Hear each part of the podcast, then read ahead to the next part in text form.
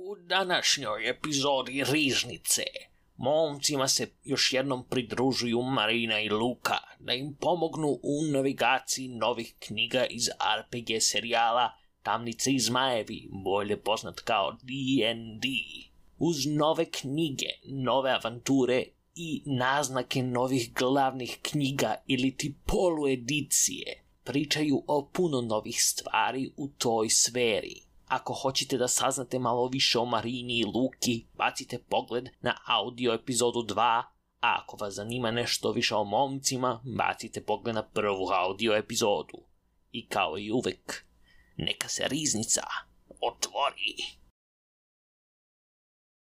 Dobar dan i dobrodošli u još jednu epizodu Riznice. Ja sam Kitić, a sa mnom danas kao i uvek Laza i Dimitrije. Kažete, La... Kažete zdravo Lazi Dimitri. Ćao. O, I danas nama da nam pomognu u navigaciji D&D voda, još jednom u Riznici Marina i Luka. Kažete zdravo Marina i Luka. Ćao Marini i Luka. Jej! Neko radi moj, moj, moj uh, ovaj, Dimension 20 reference.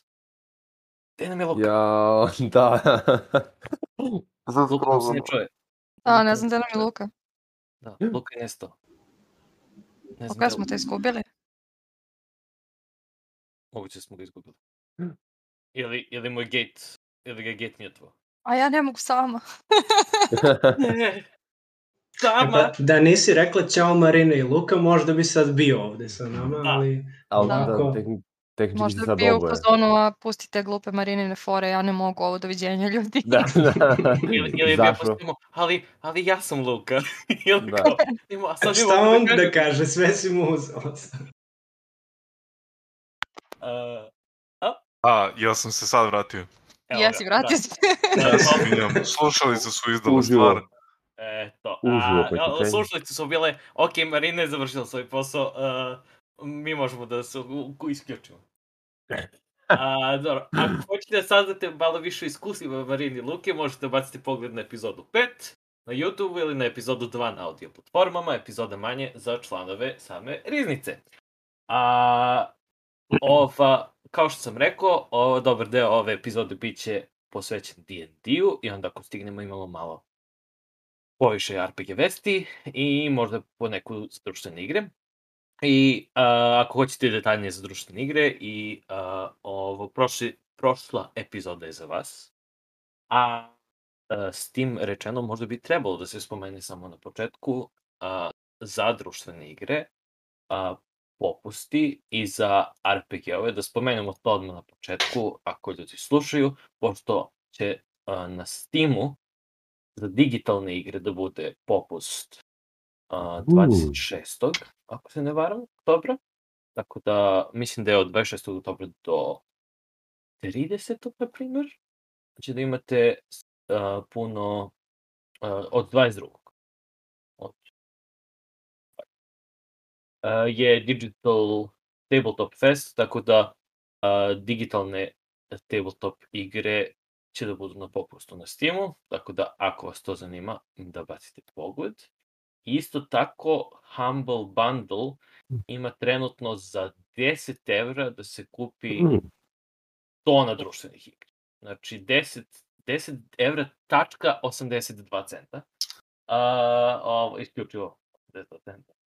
A, I ima sve svašta, Ticket to Ride, Carcassonne Splendor, Ticket to Ride, svi, sve ekspanzije, skoro Small World, uh, Game of Thrones, uh, Scythe, Terraforming Mars, Arkham Horror, Lord of the Rings Definitive Edition Adventure Card Game, Blood Rage, Pandemic i Love Letter. Mislim, realno vredi za Terraforming Mars i Scythe samo, koji su sami po sebi, mislim, oko 15 evra samo. On. Da, pošto smo igrali par tih igara, stvarno su super rešene i mnogo je lako da se igra. Mislim, tabletop simulator kida inače za sve igre, ali ovde je baš olakšano manipulacija objektima i stvarima. Nema fizike, što je onako dosta korisno. To, bukvalno. Da, ne, ne, nema, nema nekog u tabletop simulatoru da klikne flip table i onda ode ceo, ceo, ceo table. Apsolutno. A, Ovo, ali definitivno preporučujem ako se zanima i ako se ne varam, a, ne, i pr, pro, prošlo epizodni gosti neće da se igrač gledaju da ako uzimate ove stvari da se javljate da imaju da ima databaza ljudi koji imaju online igre ove da možemo da igramo svi. Tako da, eto, ako vas nešto... Everyone plays. Mm, Da, da, sajt još nisam igrao, hoću da probam. I nikako da ga probam. I Terraforming Mars, moja igra koju nikad neću da odigram, jer svaki put kad treba da se igra, nešto iskrsne. Um, o, sem toga, za RPG ima dva o, dve, a, ban, dva bandula u onom um, uh, bundle of hold, na bundle of holding. Znači, bundleofholding.com uh, ima uh, Platinum Showcase, koje su uh, različite, različite igre od um, za Dungeons and Dragons. Tako da ima sve i svašta od um, suplementa za D&D, PT, ako vas zanima. Uh, 9 evra četiri knjige i onda bonus, valjda ako date više, dobijete i bonus knjige. Uh, koje su isto interesantne.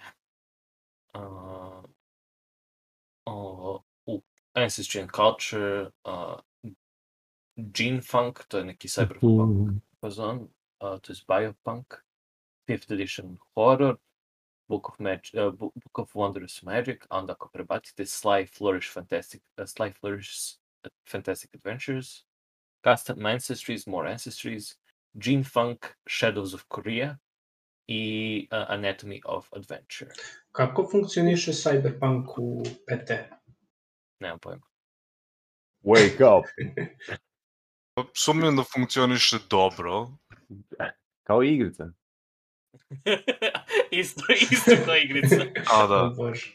Ne, pa mi- mislim generalno taj princip one system to rule them all nije baš najzdraviji, tako da pogotovo za sad za Cyberpunk ne bih koristio PT. Da, Um, let's make, uh, let's aha. give them guns and uh, sure, they'll, they'll do it.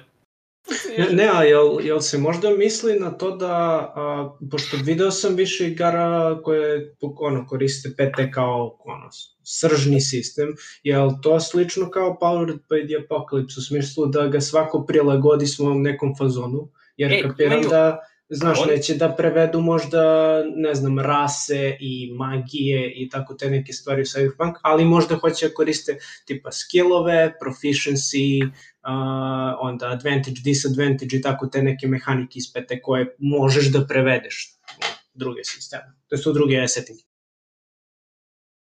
Pa da, ali ima, mislim da D&D je prilagođen za određen tip, kako se zove, za određen tip avanturisanja, određen tip igara, za koje, koje Mhm. mislim da nisu baš prigodne za ovaj za Cyberpunk neko meni ako bih neki sistem prilagođavao Cyberpunk to je bio možda World of Darkness Mm. gde, Aha, da. ovaj, Dobro, ima i, mno- ima i, ima i dobrih cyberpunk sistema. sam- Ima. Naravno, naravno. Ako bih, kažem, ako bih baš morao da prilagođavam neki sistem, to je bio pre World of Darkness nego D&D. D&D onako, baš je herojske avanture, viš, sa sve, sa svojim ogromnim brojem hit poena i kako se zove, i o, o, ovaj, borbom koja funkcioniš tako, koja fun, tako kako funkcioniše i tako dalje.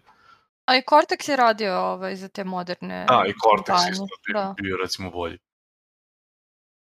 A ima i sistem agnostic stvari koje su isto ok za Naravno, O, naravno. ovo i tipa pošto je space stuff može da se uh, start without numbers znam da mogu može da se napravi vrlo dobro cyberpunk uh, fazon. Uh, isto tako mislim sad pričat ćemo a malo kasnije ako stignemo Blade Runner izlazi kao mislim tu to može da se uh, u, u glavi u taj taj, taj uh, tu ideju tako da sve i svašta ima. A, I samo da na kraju spomenem, uh, Cthulhu Hack isto na ba, uh, Bundle Holding, ovo tu je Cthulhu stvari. Znači, The Cthulhu Hack, Dark Blood, Forgotten Duty, uh, uh, Cthulhu Hack mini source bookovi neki i ako prebacite ima još knjiga za Cthulhu. Eto, uh, spooky season iza ponas. Jej. Tako da svi, svi su bukvalno A, mm, ajde sad da izbacimo sve horror stvari koje možemo da izbacimo. Je biznis. Mm. Hmm. Da. A, dobro, to je to što se tiče a, popusta i ovo, što se tiče popusta za društvene igre i za, i za RPG-ove. Mislim, ima još neki besplatnih stvari, to ćemo pa da spomenemo. Posle ako stignemo, ali da, da se bacimo na a, Na D&D. the, nitty gritty, Na- the, na dun, dun, a, gde bi krenuli? Šta, vas, šta vas najviše zanima? Gde, gde, gde hoćete da krenemo? A, ćemo da pričamo o Five Rings. To mene najviše ko, ko, čemu, ko čemu Marina ovuš? Može. Može. A, hoćemo da pričamo o Five Rings. A, kad smo, to, baš kad smo kod uh, sistema Pa mislim, ostavili koji- ste mi, ostavili ste mi ovaj uh, prozor da, da se izrazim, tako To da što se mene tiče možemo da krenemo sa Five Take Rings, a možemo i sa Feyweldom. Da, znači Pa- taman, kad smo, što kažemo, ono, uh, sistemi koji uzimaju, to što je Lazar pitao, uh, šta se dešava sa, jel to im, izgleda mi da ima neki uh, kao strip down verzija D&D-a koje je za licenciranje. Uh, Adventure League što koristi, to isto koriste i o- to će da koriste za Legends of Fire Rings. Pa dobro, to je oko stare dobre dane 3.5 kad je, kad, kad je još i Paizo mogao da preuzme recimo taj sistem pa da onda gradi na njemu i tako dalje. Mislim, sam, sistem sam po sebi je robustan i zgodan za gomilu stvari. Tako da za, taj, za te, za fantasy generalno je zgodan i lepo što mogu da ga, što može da se prilagodi za recimo Five Rings. Da, uh, znači 5 uh, uh, 5E SRD. Ako vas Tindi SR, 5E SRD, to je to je ovo kao edicija 5E koji će da se koristi. Da, ne znam, ne znam Mhm. kako to tačno funkcioniše, to je za licenciranje. Ali uh, uh, da se vratim nazad na temu 5 uh, Legend of the Five Rings, izvolite Marina, uh, stage is yours. Mislim, nije kao da su izbacili mnogo o tome šta će da se dešava. Vidim da će biti, uh, da će setting biti Rokugan, koji smo, ja mislim, bio je introduced u ili u 3.5, ili u trojci Luka ili u dvojci čak. To već je van mog bibliotekarskog da, znanja. a, Rokugan, ako se ne varam, to je nešto dosta matoro bilo. I... Ne, definitivno matoro. Da, fiction, uh, mislim, ja mislim da, da je to bilo uh, prvi put izbačeno tamo 95. ili tako nešto. Pa je krenulo, taj, to je bila card game. Tako reći punoletno. Da, ovaj, e da, izašlo je, tako je, uh, prvi put je izašlo u AD, uh, AD&D-u, znači druga edicija, pa smo imali Rokugan i u trećoj ediciji, ovaj, a uh, pored toga, koliko sam shvatila, postojao je i um, Shoalung u kome smo mi najviše igrali, ovaj, koji da kažem, uh, to mi je bilo malo, malo čudno, mislim da su oni posle radili nekakav, uh, kao nekakvu reviziju, tog Shaolunga koji su izbacili, odnosno Karatura. Karatur je uključivao settinge Shaolunga, Koryo, Kozakure i mm, šta je beše bilo Luka još? Va. Ovaj? Da, Va i dole, dole je bio onaj onaj mongolski deo. Setim kako se Mongoli su, nismo nikad igrali. Mongoli su ove varijante na jugu i kad Marina kaže mi, misli ovaj, Da, ona mislim i na ja. našu, gru- da, da, da, i na našu grupu generalno koje, koje je ovaj, igrala to, ali nije ni bitno. U svakom slučaju to je bio jedan setting koji je bio deo Forgotten Realmsa i onda je bio Rokugan koji je kao bio mm, nekakav fantasy Japan samo, ovaj, bez, Mhm. eh, bez drugih, eh, da kažem, regiona i to je nešto što ja nikad nisam igrala. Ja imam tu knjigu ovaj, koju sam koristila, koju sam htela da koristim više kao za neku inspiraciju za, za moju ušu, ali nikad nije ušlo u a, uži izbor, da kažem. Zato što je, recimo, Karatur bio fenomenalno pisan, u, mislim, za to vreme kad je bio pisan, znači ta druga edicija, e, u toj knjizi samo i nije bilo ništa o sistemu, sve je bio setting i sve je bio fluff, tako da to mi se u principu najviše uklapalo u celu priču i posle toga sam ja uzela posebno, ne znam da li ste videli još uvek ovaj, mislim može, možete da kupite tu knjigu preko njihovog sajta, može preko um, preko ovih third party sajtova tipa um, Dungeon Master, kako se zvalo, Dungeon Master Guild? Guild? Da, Dungeon Da, Masters Guild. Guild.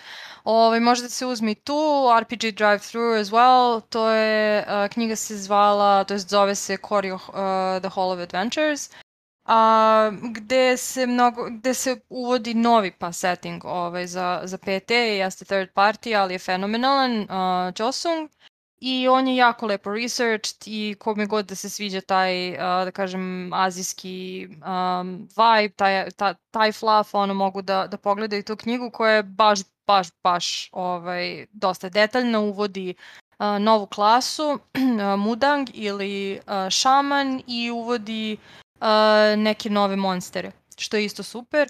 Tako da ovaj, ipak sam se na kraju odlučila, da, uvodi uvodi ovaj, dokebije, uvodi a, gumiho, odnosno to bi bilo u prevodu kitsune ili, a, zaboravila sam kako se kaže na kineskom, ali svakako Nine-Tailed Fox.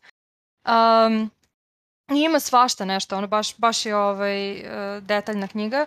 U svakom slučaju mi se... A, ko je prvo? Pa, prvo čudovište. Šta A, je? Dokebi. A, Dokebi je nešto kao goblin, njihov, naj, da kažem, najpribližnije uh, prevedeno, ali to je više nekakav, uh, kako je to beš bilo, spirit koji nastaje iz uh, nekakvog itema, ovaj, a ne od duša umrlih. I uh, ima ih raznih, znači baš ima, ima raznih ovaj, uh, uh, vrsta Međutim, oni su malo drugačije opisani u knjizi, naravno da se to slaže sa istorijom tog kontinenta i tako dalje. Ovaj, ja sam, na primjer, u svojoj uši uvela jednog dokebija koji je bio jako, jako ovaj, a, moćan. On je nastao iz mača koji je bio a, okupan krvlju stotina i stotina ljudi. Tako da on je bio, bio je general praktično. Ovaj, tako da je to eto interesantno, voljela bi da vidim šta Rokugan sad ima da nam ponudi, zato što ranije nisam bila nešto preterano oduševljena tom starom knjigom. Ovaj, tako da jedva čekam da vidim šta će novo da uvede u a, More PT. content. Give me more, content. content. yes. Pa da, mislim, to je ono što u suštini petici najviše fali u poređenju sa prethodnim edicijama, to, je, to su originalni, set, originalni pod znacima navoda settingsi, noviji settingsi. Da, i ono što, e, on, ono s čim imam problem je ceo ovaj novi, sad ja se izvinjavam svima koji će se možda uvrediti ili neće, ja se nadam da ne, jer ovaj, govorim ovo iz najbolje namere, ali a, malo mi ide na živce sa taj ceo pokret u, u Americi gde se svi triggeraju na sve i gde sve je cultural appropriation. I onda ne znam kako će da kažem, javnost da reaguje na Rokugan i kako će, kako bi javnost generalno reagovala na uh, nekakav azijski setting, kao originalni setting, jer znam da, mislim, čitam često ovu internacionalnu PT grupu, pa kao gledam koje su generalno njihove, koje su njihova mišljenja u vezi sa azijskim settingsima i vidim da mnogi ljudi pljuju po karaturu u smislu um, govore da je to cultural appropriation, da nije dobro Aha. urađeno, da ne znam da ih vređa i tako dalje, ali interesantno je da se nisu a, ljudi sa tih, tih ovaj, a, prostora oglasili, niti čak a, a, ono, American Asians. Ni, niko od njih nije rekao je to je cultural appropriation, to je, to je loše. Uglavnom su se triggerovali beli ljudi. Tako da koji se naravno i triggeruju uvek za Jel sve. to? Mislim, As per usual. da, As per bukvalno, usual, white, da. white people be like, Da, Ne. bukvalno. Tako da, da ne znam na kakav će odziv da... To me jedino plaši. Ne, ne znam kako će da ovaj, reaguje javnost na Rokugan ovaj, ako bude bio naravno official. Mislim, videli ste koliko se stvari menjaju i, i u samom ovaj, player's handbooku, odnosno u osnovnim pravilima u vezi sa, ne znam, raznim rasama koje sad više nisu evil, nego su, ne znam, svi smo mi ovaj, neutralni, pa znaš, mislim, Mhm, mhm. kapiram ja zašto se sad to sve menja i nemam ništa protiv toga u principu, mislim svako vodi svoju a, kampanju kako želi, svako kreira, odnosno tailoruje svoje NPC-eve onako kako se njima sviđa i to je Mislim, to je sasvim okej. To nisu javne igre, to je nešto što mi držimo u naše četiri Da. zida i nama se sviđa, jel? Ovaj, međutim, ne znam kako će da, da se to translira na, na Rokugan i na buduće, recimo, um, originalne settinge, ako oni imaju ikakvog dodira sa m, drugim rasama i drugim kulturama. S obzirom da je ovaj Rokugan third party publishing, mislim da nema Pa, opasnosti od toga da da će sad javnost masovno da reaguje na ovaj, na publishing, a drug, tako da će to svako, to će biti knjiga koju će kupovati one koji poštuju publisher i koji poštuju setting, tako da verujem da neće biti Da, mnogo halabuke oko toga. da, mislim, nadamo se.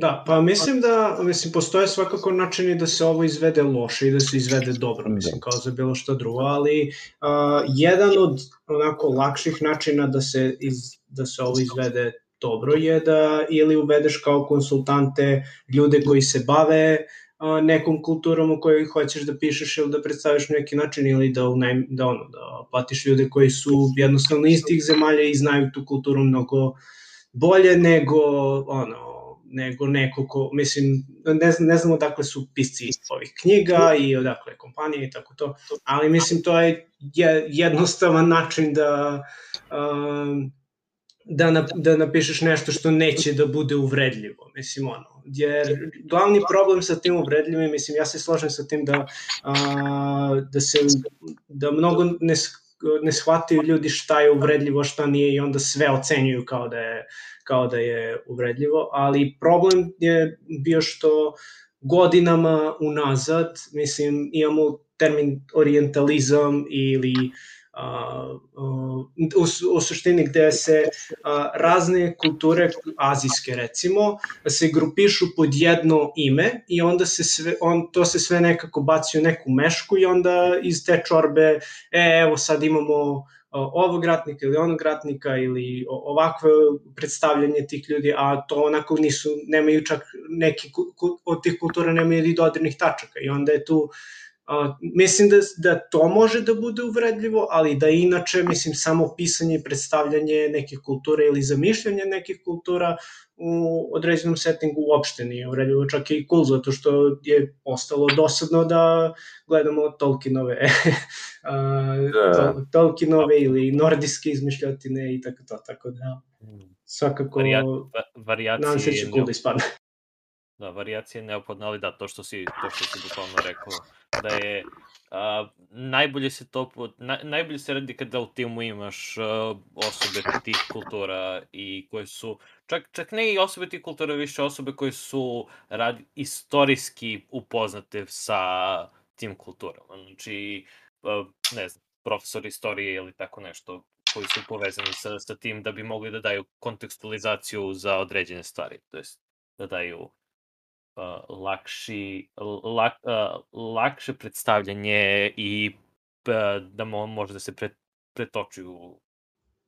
Da, e, I mislim, ovo važi za projekte koji su tako veliki uh, i ono, znaš, ima i izdavače i ima i para tu i nisu mali timovi, jer ono, ako su indie timovi koji hoće da pišu o nečemu i da prave nešto, očigledno ne mogu ovakvi standardi da se primenjuju, niti da je da mogu oni da, da ispoštuju ili imaju kintu da isfinansiraju tako nešto, tako da normalno treba se prilagodi ono i očekivanje u odnosu na to kako su kako im je podloga i postoje.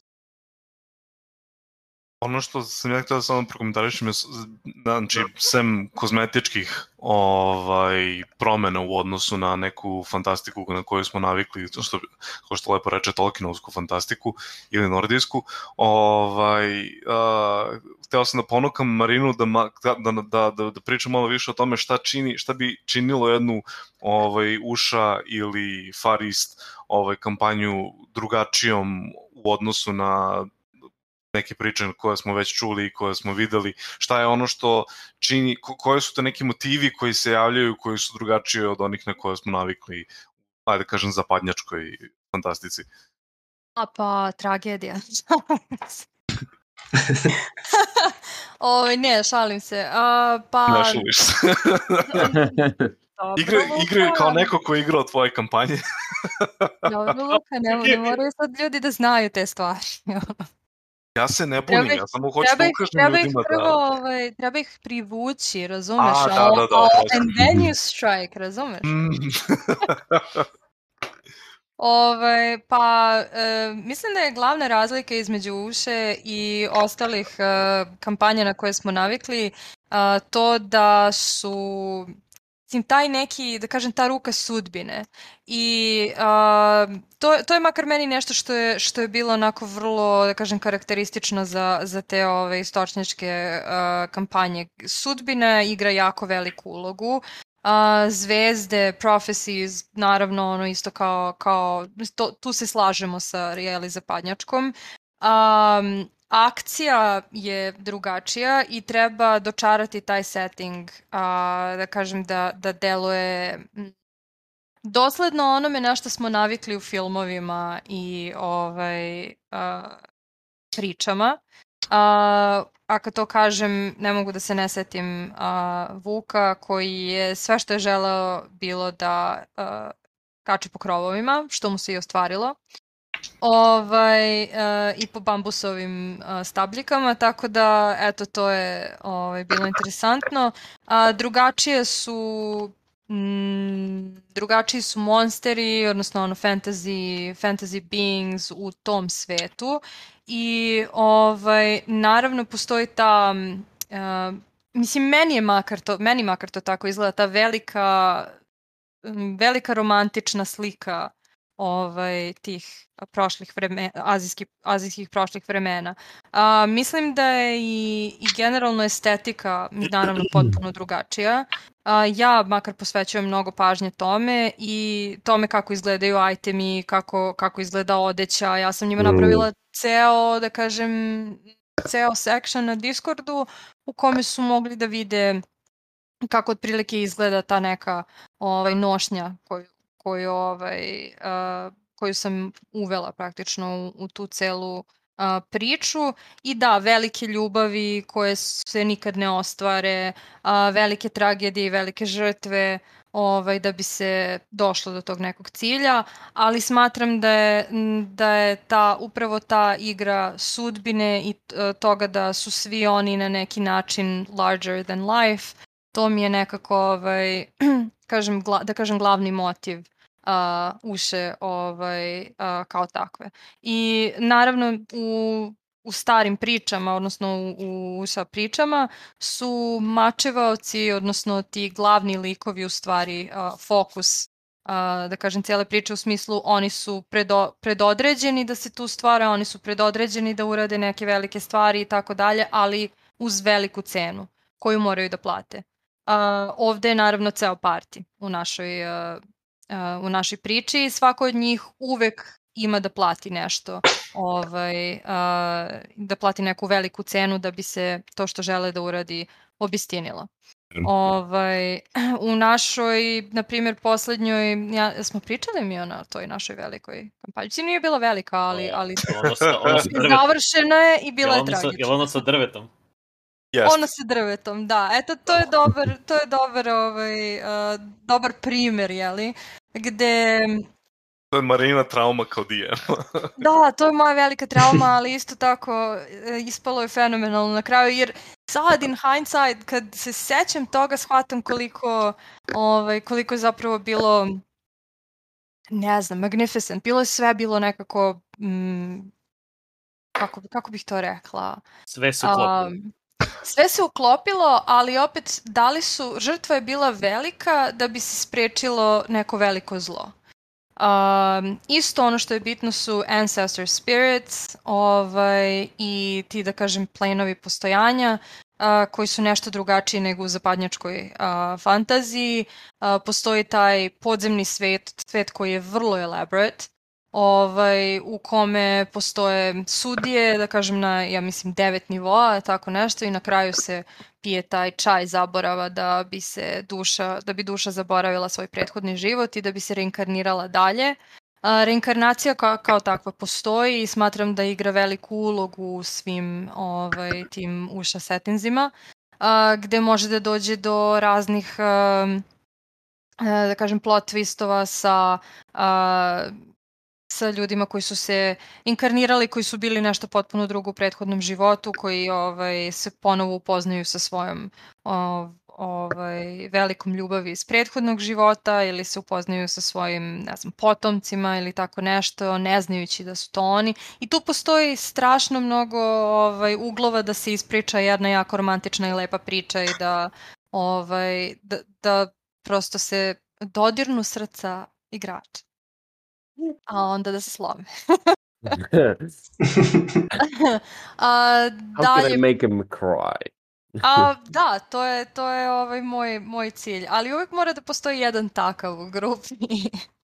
yeah, slažem se. Um, šta, šta još? Uh, da, ja sam recimo uvela interesantan koncept sad prvi put uh, koji nije toliko ušao, više je, nije kineski koncept, više je ovaj, korejski. Uh, postoje Grim Reaperi ili Joseon Sađa koji su, uh, koji praktično dolaze uh, po duše uh, pokojnika i odvode ih sa sobom i oni su vidljivi samo tim dušama pokojnika, a, a uh, oni, oni funkcionišu nekako kao, manje više kao korporacija.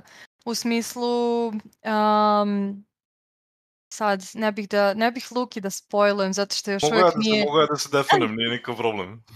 E, mogu bi da se definuješ, E, ali ne e, Dakle, definovat ću se, pa mi Spoiler, ovaj, pošaljite Mi poruku kada spoiler. se vratim. Da, ovaj. Dobit ćeš na fejsu poruku.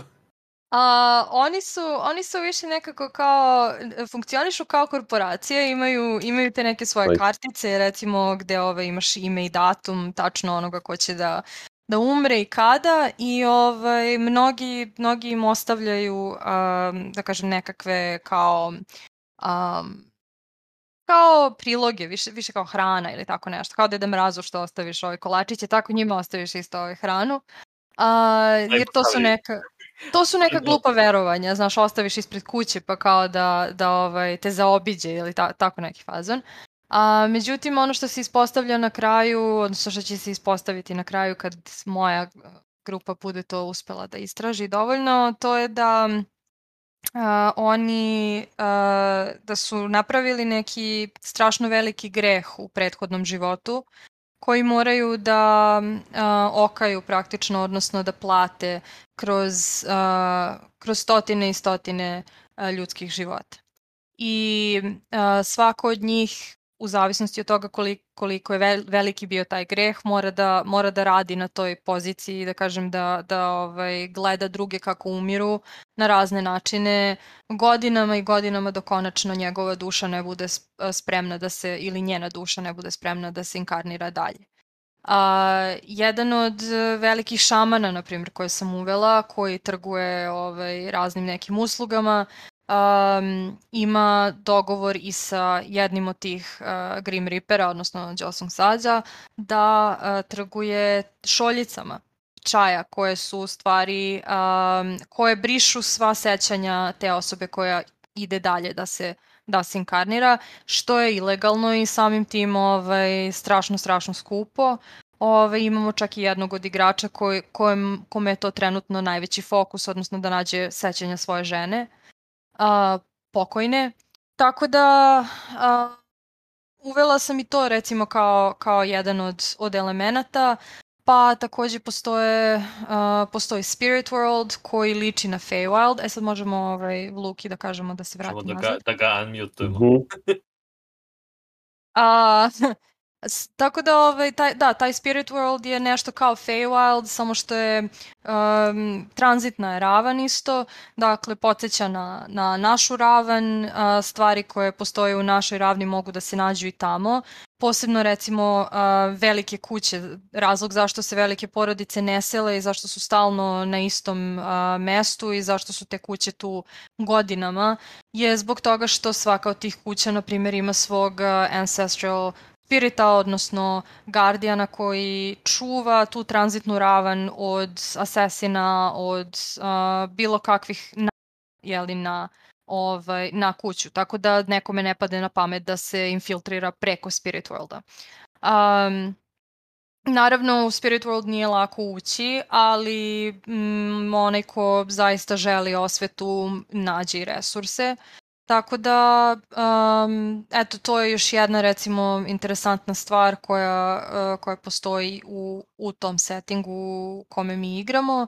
Uh, postoji naravno i Celestial uh, ravan gde se nalazi žadni ovaj car i njegova svita i ovaj ostali ostali ovaj azijski bogovi a, koje smo manje više samo translirali u setting, nismo uopšte se trudili da, da izmenimo nešto mnogo stvari, pa je tako, na primjer, u mojoj prethodnoj a, kampanji Wukong ili Monkey King a, probudio tog generala Dokebija koji je spavao ovaj, a, svojim snom pravednika, ovaj, a, probudio ga je u trenutku kada, kada je to a, svetu bilo manje više potrebno da bi taj general na kraju pomogao sa uh, da kažem ubijanjem ili ti neutralizovanjem tog zadnjeg BBG-a.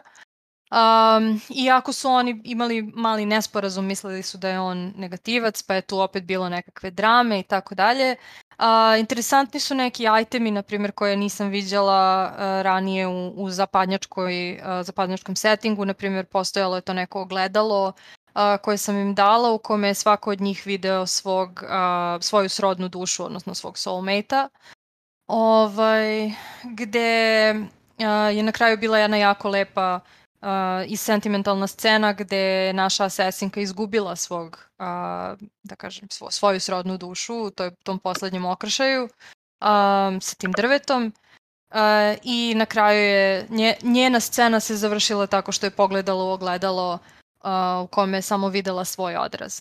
I to je bilo onako strašno potresno, potresno za igrača Uh, I mislim da, da je ceo taj emotional investment u, u toj kampanji bio ključ da, da, da se sve to odigra kako se na kraju i, i odigralo i da se oni osjećaju kako su se osjećali. Tako da um, dok ja volim ovaj, razne vrste da kažem, fantasy ovaj, priča i settinga i hajstova i svačeg nečeg, ali moram da kažem da mi je ovaj žanr možda najomiljeniji. E sad, možda kad drugi ljudi ne igraju tako kako ga ja igram, niti ga vode tako kako ga ja vodim, ali ovaj, eto, to je ono što sam ja izabrala i smatrala da će mojoj grupi da bude interesantno kao nekakav change of pace i ono, uh, pri, prosto da, da promenimo malo a, gde bi preporučala da ljudi krenu sa resursima ako hoće da rode ovako? ovako. Uh. A, sa resursima, pa um, ja bih preporučila da pročitaju tu knjigu iz druge edicije. A, to je, hm, kako se zvalo, mislim da se zvalo Karatur. Karatur, um, Sad ću da vam kažem tačno. Um, mm, ne, ovo je sve o Karturu, to nam ne treba.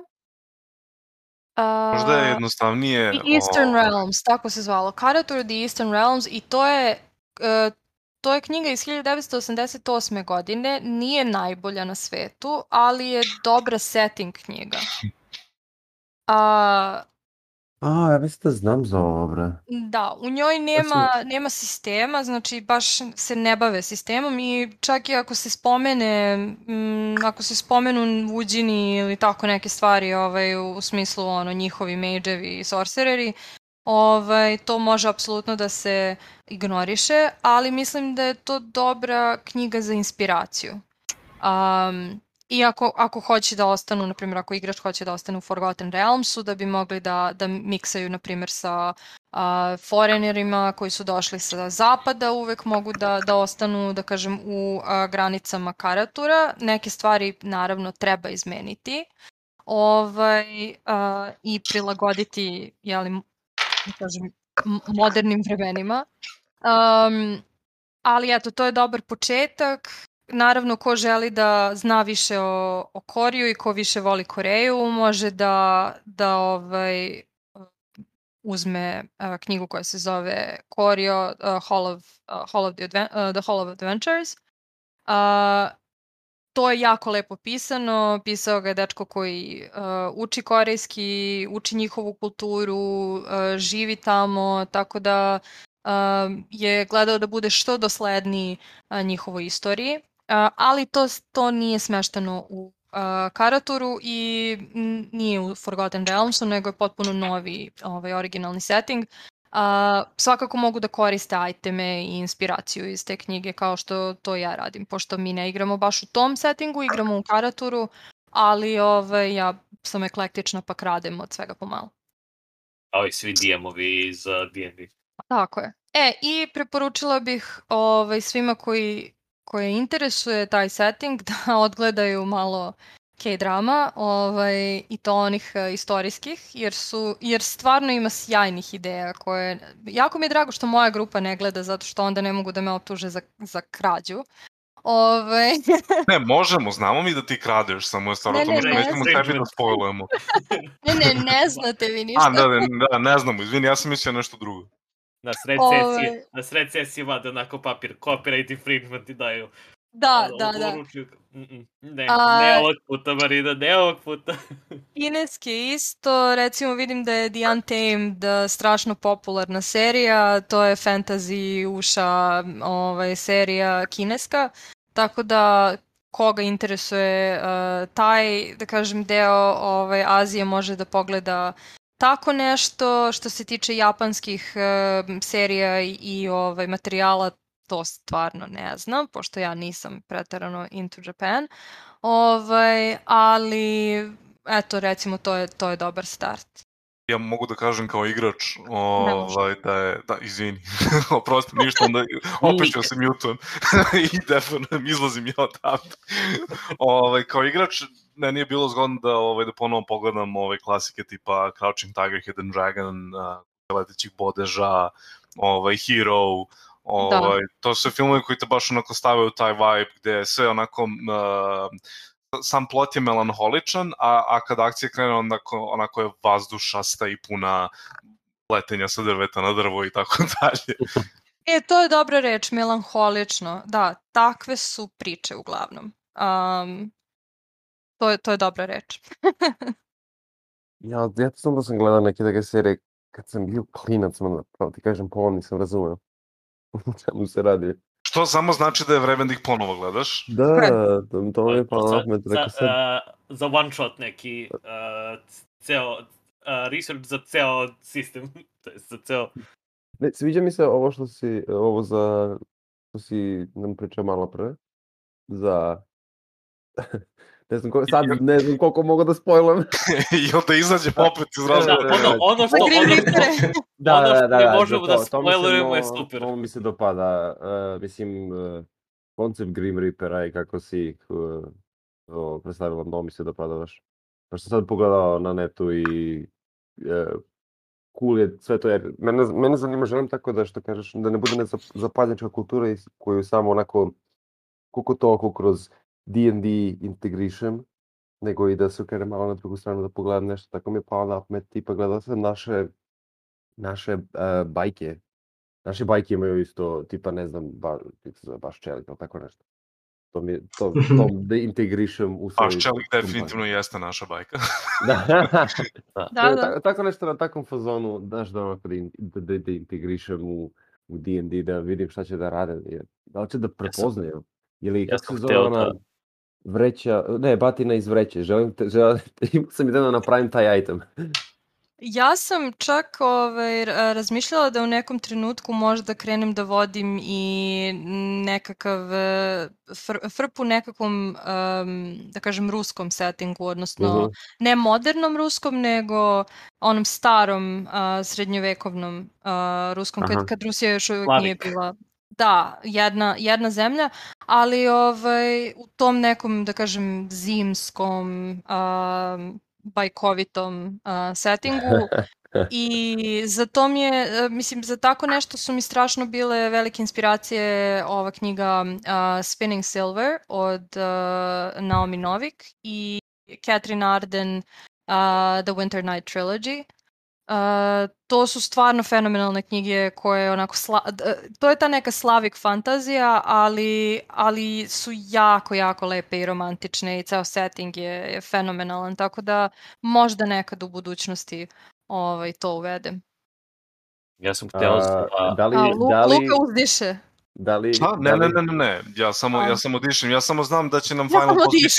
Ja, sam, ja samo znam da će nam ovaj da će nam Final Boss biti ba, Baba Yaga, tako da A, a ne O, Černobog, šta? Baba Yaga kažeš, meni je bila NPC u, u poslednji, Da. poslednjem City of Mistu kad smo igrali. Ali, mene ali je taj ceo, taj ceo recimo trip ovaj, e, Rusije može da se smesti u Rashomon, na primjer, koji je meni jedno vreme bio strašno, strašno drag setting. Mislim i dalje, ovaj, posebno od Mask of the, o, Mask of the Betrayer, o kome smo ja mislim isto pričali, Mhm. ovaj, to, to je uvek nešto što spomenem, ali baš zato što je toliko bajkovito i, i zato što ima prepli, preplitanja sa Feywildom i onako baš je, ovaj, baš je divan setting. da li vodka, da li će vodka da hiluje? to mene zanima u tom Gubi. Russian settingu. Ne. A, u Russian setting, ne, vodka će da bude voda, neće da hiluje. Biće, bi, nemaš... oh, even worse, brate. We drink it every time. Da, ja sam, ja sam hteo da napravim za, Mm. si, pošto City of Mist daje najbolji, najbolju opciju da koristiš mitologiju u različite na, na različite načine.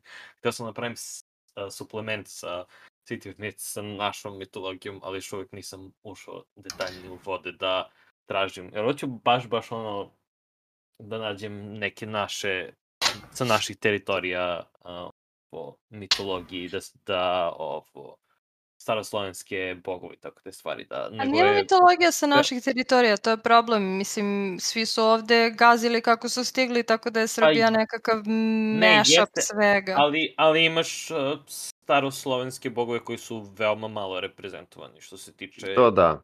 evropskih, uh, evropskih mitologija. Pa da, jer čak i imaš- oni imaš nisu glavne- naši originalno, to je fora. Pa, Ja, pa sad Dobro, ništa ali- nije naše. da. Pa Ali nije, pa Ali, jel- ali, zato, ali zato i on kaže slovenski, ne kaže srpski, kaže slovenski bogovi. Kažem, A pa to je- dobro, to je. u, u, nekom, u nekom momentu su bili kod nas. Svratili Tako je, su tako je. Na ovim predelima su. u ovim predelima. U Da. Prolazu. Sar, Sarman je naša, pa nikom ništa. A, upravo No, tako, don't prema say tome, like these. bože. Prema tome- Kontroverzni podcast. Da. It hurts. O, ovo je, a, a, podcast će se zove kontroverzije, kontroverzije D&D. Manje popularno mišljenje. Manje popularno mišljenje i, a, i a, tamnice. NSFW. Da, SFW title. apsolutno. Ovo, tako da, htio sam, htio sam tako nešto, ali hoću da nađem adekvatnu literaturu da detaljnije upadnem u to. Tako da, ako, ako znate neke a, dobre knjige vezane za a, slovensku mitologiju i za generalno priče. E, ja ću da ti pošaljem. E, e, Imaš tako. zbirke, zbirke ruskih bajki generalno imaju super, um, im, imaju jako dobar prikaz tih nekih uh, karakterističnih mitoloških bića i generalno to kakve su njihove priče i ko su njihovi ono polumitski ovaj, heroji i naravno Baba Yaga se javlja u svakoj trećoj priči, tako da to, to, to toplo preporučujem kao izvor materijala. Baba Yaga je lepak za, za sve, za sve, Da, da. ta, za sve slovenske, bukvalno, generalno. Ali ja vam svima Narativ. vrlo toplo preporučujem The Winter Night Trilogy. Počinje sa ovaj, a, sa Medvedom i Slavujom, to je prvi, a, prva knjiga od Catherine Arden.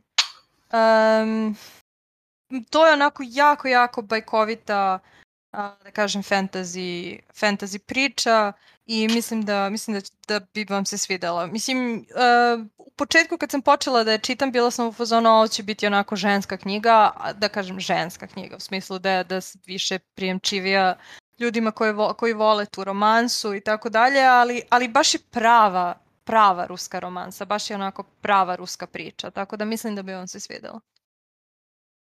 A, mm, I naravno Tihi dom. E sad, ne. Potencijalno će biti bačen, bačen pogled. Ali da, ne, mislim, svakako sam hteo, hteo sam da, da se fokusiram baš puno na, na tu mitologiju, ali uh, igram slučaj smo otišli u druge, u druge vode. A, dobro, od, uh, od jednog settinga koji Marina voli na drugi setting koji Marina voli, uh, The Wild Beyond the Witchlight je izašao. Što se ovi podcasti, podcasti ne zovu settinzi koje Marina voli? to je to, to, to je. Setizi koje Marina voli kontroverzne uh, i kontroverzne ovo, kontroverzno mišljenje. Tako će se Da. zove podcast. to je to. Tako će epizoda da se zove. Odlično. A, znači, Wild Beyond the Witchlight je izašao pre mesec dana otprilike, tako nešto. Mislim da je malo, mesec dan, malo manje od mesec dana ili mesec dana. A, to je, pričali smo o kampanji pre nego što je trebalo da izađe u istoj a, epizodi kad su bile Marini Luka. Tako da ako hoćete da vidite naše spekulacije o tome. A sad a, ćemo da spomenemo malo, nisam još uvek uh, bacio pogled na samu knjigu, ali imamo neke stvari, imamo neke magične iteme odatle, uh, imamo ideju da pacif, uh, pa- da može da se završi uh, kampanja uh, veoma uh, pasivno, to jest da ne mora da, da se kombat... Nije to pasivno, to je, Da, nije to pasivno, to je miroljubivo. Miroljubivo, Mhm. da. To je značajna Ovo- razlika između da, pasivno i miroljubivo. Da. A, ovo, tako da, a, to, to mi je bilo interesantno da, za diskusiju, da a, knjiga, mislim, normalno, mi kao DM-ovi možemo da napravimo da se izbjegavaju a, da se izbjegavaju kombat, da dobijaju ljudi experience za to, iako oficijalno nema za to pravila. ali ovo mi je bilo interesantno da sam modul ima opcije kako da se izbeg, izbegne, izbegnu određene stvari, da se to nagradi i uh, tako dalje. Tako da to mi je interesantno da vidim šta mislite o tome kao konceptu. O, hvala Bogu, konačno. Ovaj, Da. to, je neko, Da. to je neko moje mišljenje. Ovaj, ono, kombat jeste jedan od tri tri stu, stuba, nosi, Da. tri nosice stuba Hoćeš, avanture, hoćeš da jel? kažeš uh, glavni stub i onda poslava da su tu negde, ono, a, spomenuti su, možda je cela knjiga s- kombat i onda tu su negde ova dva, kao, to, kao, pretvarat ćemo se da ih posto, da tri postoje. Da, ovaj, ja moram da kažem da, mislim, ja, viš, ja sad više posmatram kao DM combat, vidim više kao filler. Ono, treba mi Da, da, da, da. kako se zove, da ubijem 2-3 sata avanture, evo bacim combat da rade nešto. Ovaj, za, zato što mene trenutno se mrzi zanimaju. da, zašto mene trenutno mrzi da roleplay NPC-e, ali suština je da ovaj, meni je jako drago što, kako zove, što uključili tako nešto, zato što je to nešto što ohrabruje ovaj, što ohrabruje roleplaying i što ohrabruje ona druga dva ovaj, ojačava ona druga dva noseća stuba. Mislim da toga treba uvek imati više. Posebno, poseb, mislim, posebno mi, ove grupe koje, koje vole da roleplayaju, da pričaju da iznemoglosti i nazad, nas to jako raduje. Mislim, meni je to fenomenalan koncept, ono, Kombat je super i ja sam počela u njemu da uživam nešto više nego ranije, jer sam nešto malo korisnija nego što sam ranije bila i jako često, često lomim oružja i tako Might. svoja. Ovaj, ali, ali mi se sviđa, sviđa mi se taj koncept jako. Pa, mislim da je prva stvar koju svako homebrewuje u svojoj kampanji, u svoj D&D je da ono da se dobija experience i da se uopšte nagrađuje uh, pristup koji nije nasilje ili kombat ili tako to. Uh, tako da je ko što igra ono, prepoznaje to uh, i što će to da bude, mislim, možda i glavni pristup za neke kampanje u buduće, tako da meni se čini super. Ako uopšte koristi XP sistem, jel? Ja Ovaj, mislim da, Da, ne da, koriste da. nužno XP, da, to, mislim, ovde nagrađuju po sistemu, ok, ako su izbegli ovo tipa, možda imaju item koji, ste do, koji, dobili, koji su dobili pre, a, ne znam, 3-4 sesija, koji može da im pomognu tome da izbegnu ovo i ne znam da li to nagrađuje, pretpostavljam da ih nagrađuje s experience, ne znam, mislim. Dobro, nagrađuje se pametno i praćenje plota i učestvovanje Da. i aktivno učestvovanje u plotu, Ali- što je... Ali je interesa, pozitivno. interesantno je što uh, sad uh, im baš uh, uh, u Wild Beyond the Witchlight su napravili kao uh, DM tracker sheet koji kao po sistemu, ok, a ako si im dao ovaj item, uh, označi ga ovde. I onda kasnije kad posle 100 strana, kad kaže, e, uh, pogledaj tracker sheet ako imaš ovaj item, ovo mogu da urade. I tako, tako da je uh, sm, taj ono, ono što mi generalno homebrew radimo i gen, kao iskusni DM-ovi, ovo za nove DM-ove po sistemu, e, uh, ovako bi trebalo da funkcioniše ono, uh, uh, uh, ovaj, kako stavim mozak sad, kao p- pre planovi koji su ranije postavljeni, Da, kao podsjetnik u suštini na nešto što je, Da. s- nešto što je značajno, nešto što se desilo ranije, a značajno za trenutni plot. Mislim, ja to. imam a, jedan drugarica koja, koja planira da počne da vodi, planira da počne baš sa, ovaj, baš sa Wild Beyond the Witchlight, jer obožava fairies i sve što ide uz to. I onda mi je jako drago što su uključili tako nešto što mi, jel, iskusniji DM-ovi već pravimo sami sebe, što su uključili kao nešto što kao dobru praksu od samog početka. Jel? Znam da, Da. će njoj biti značajno lakše zbog toga što ima tako nešto, a ne mora sama da ga osmišljava. A ja s druge strane osjećam da ću voditi ovo, ali želim da igram, što je takođe Da, ovaj u- veliki problem. Se, kogod da to DM-uje, uh, magično se ubacio. Da, ups. Up, o, a, O, kažete. e, šta, ispade mi character sheet. O, da, no. Da. Mislim, video sam da, ovaj, i to je, to je jako, to dosta pozdravljam, to što, da su ubacili, recimo, da se očekuje uh, Session Zero za početak ove kampanje, što Da. je isto Da, nešto što je da. deo ono, iskusne i dobre DM prakse i super je što mla, nekom mladom DM-u će upravo to da ovaj, pruže kao mogućnost. To je da mu kažu da je, ova, ovo je dobra stvar za uraditi za tvoju kampanju. Um, tako da mi je jako drago zbog tih nekih ovaj, A, I u, ubacili su i a, sumacije za, za NPC-eve, ali na početku.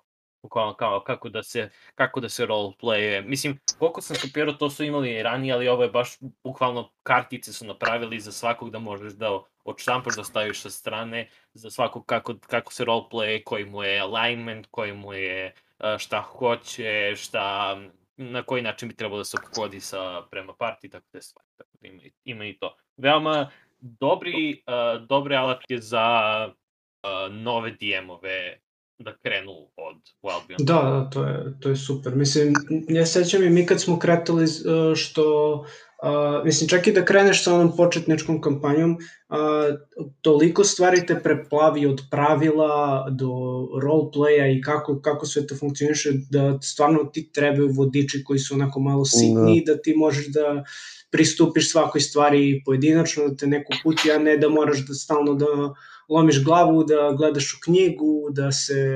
Mislim, treba ti, treba da knjiga mnogo puta ti kaže da se opustiš i da, da, ono, da ne može mnogo da pogrešiš, Da, ali, ali svakako je super ako, naročito vodiči za to kako da glumiš lika, što je onako, to, je, to mi je baš cool. Na, za novi igrača mi to delo je kao odlična, odlična stvar.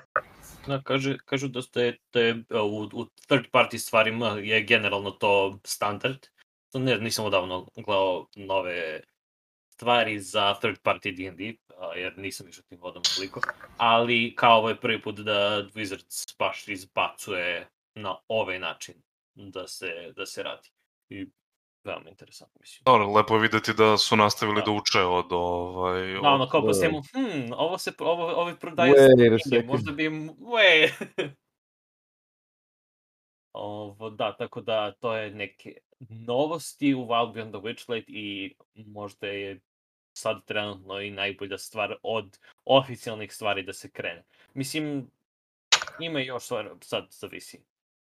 Šta već. A ako krećete, a, nije loše da pokupite u, a, na Drive-Thru RPG um, a, Domains of Delight. To je a, companion a, knjiga za o, Wild Beyond the Witchlight, koja ima neke stvari iz Wild Beyond the Witchlight, ali ima i stvari kao što su uh, kako napraviti deal sa Fejom, ili kako funkcionišu Fej dealovi, Uuu, uh, kako uh, funkcionišu slučajni Fej dealovi u koje upadneš, kako bi treb, kako igrači mogu da izađu iz Fej dealova, šta Fey Wild Ne uh, mogu. karakteri hoće. Tako je. Ovaj, super je što su se, mo, mislim, moja grupa to zna već, pošto su obećali sve svima, tako da to, to je dosta zabavno bilo i jednog dana ćemo završiti ovaj, tu kampanju i everything will come crashing down. Da, onako kao, uh, uh, here come the consequence, consequence, consequence. e, Tako e, je, E, tako to. Eto, a, i ima a, uz Domain of Delight a, možete napraviti svoju, a, svoj domain, to je svog a, Fey patrona i njegov domain a, daje pravila za to. Novo sam i još neke stvari ima. Um, mislim da ima stvorene. Sad ću pogledam, imam. Da, meni je lično to recimo mnogo zanim, meni je to recimo mnogo zanimljiviji suplement, ja ne planiram da vodim ovaj Wild Beyond the Witchlight, ali bih ali povremeno uključujem ovaj vile u neke svoje kampanje i voleo bih da, da voleo bih da vidim recimo suplement koji mi olakšava to da napravim jedan ovaj jedno vilinsko kraljevstvo ili jel te domain i da mi olakša da napravim ono lu, ludaju koja vodi to mesto i kako to mesto funkcioniše što se tiče mehanike. Mislim mogu ja to normalno da smislim, ali ovaj ali lakše mi je da mi se nešto da mi se tako nešto ispriča. S druge strane, moj rođendan je u februaru. Wink, wink. Da, da, wink wink nudge nudge. A, znači, Srećan ovde- rođendan. Ja sam mislio da ti ja sam mislio da ti hoćeš da igraš prema tome. to, Ovaj, je, to ti pa- poklon. Pa Da. hoću, ali, ali možda bih i posle igranja ovaj, nastavila da to vodim. Ovaj, Dobro da, mislim, čekaj, Nekom grupama, drugom, ne jel? znam, Nekom drugom. Vidjet ćemo. samo sekund da se kao- izvinjam. Ništa, ništa, Kaži. ne stavite, ne stavite, ne stavite. ne stavite. Kaži, kaži. Ništa, ništa, ništa, ništa. ništa. Gledam, e, pošto me zanima, i mene zanima ovaj, baš, e, kako se zove, Main to the Light. I, A, da, znači, sad, sad gledam, znači, ima a, ovo where Fey can one get one?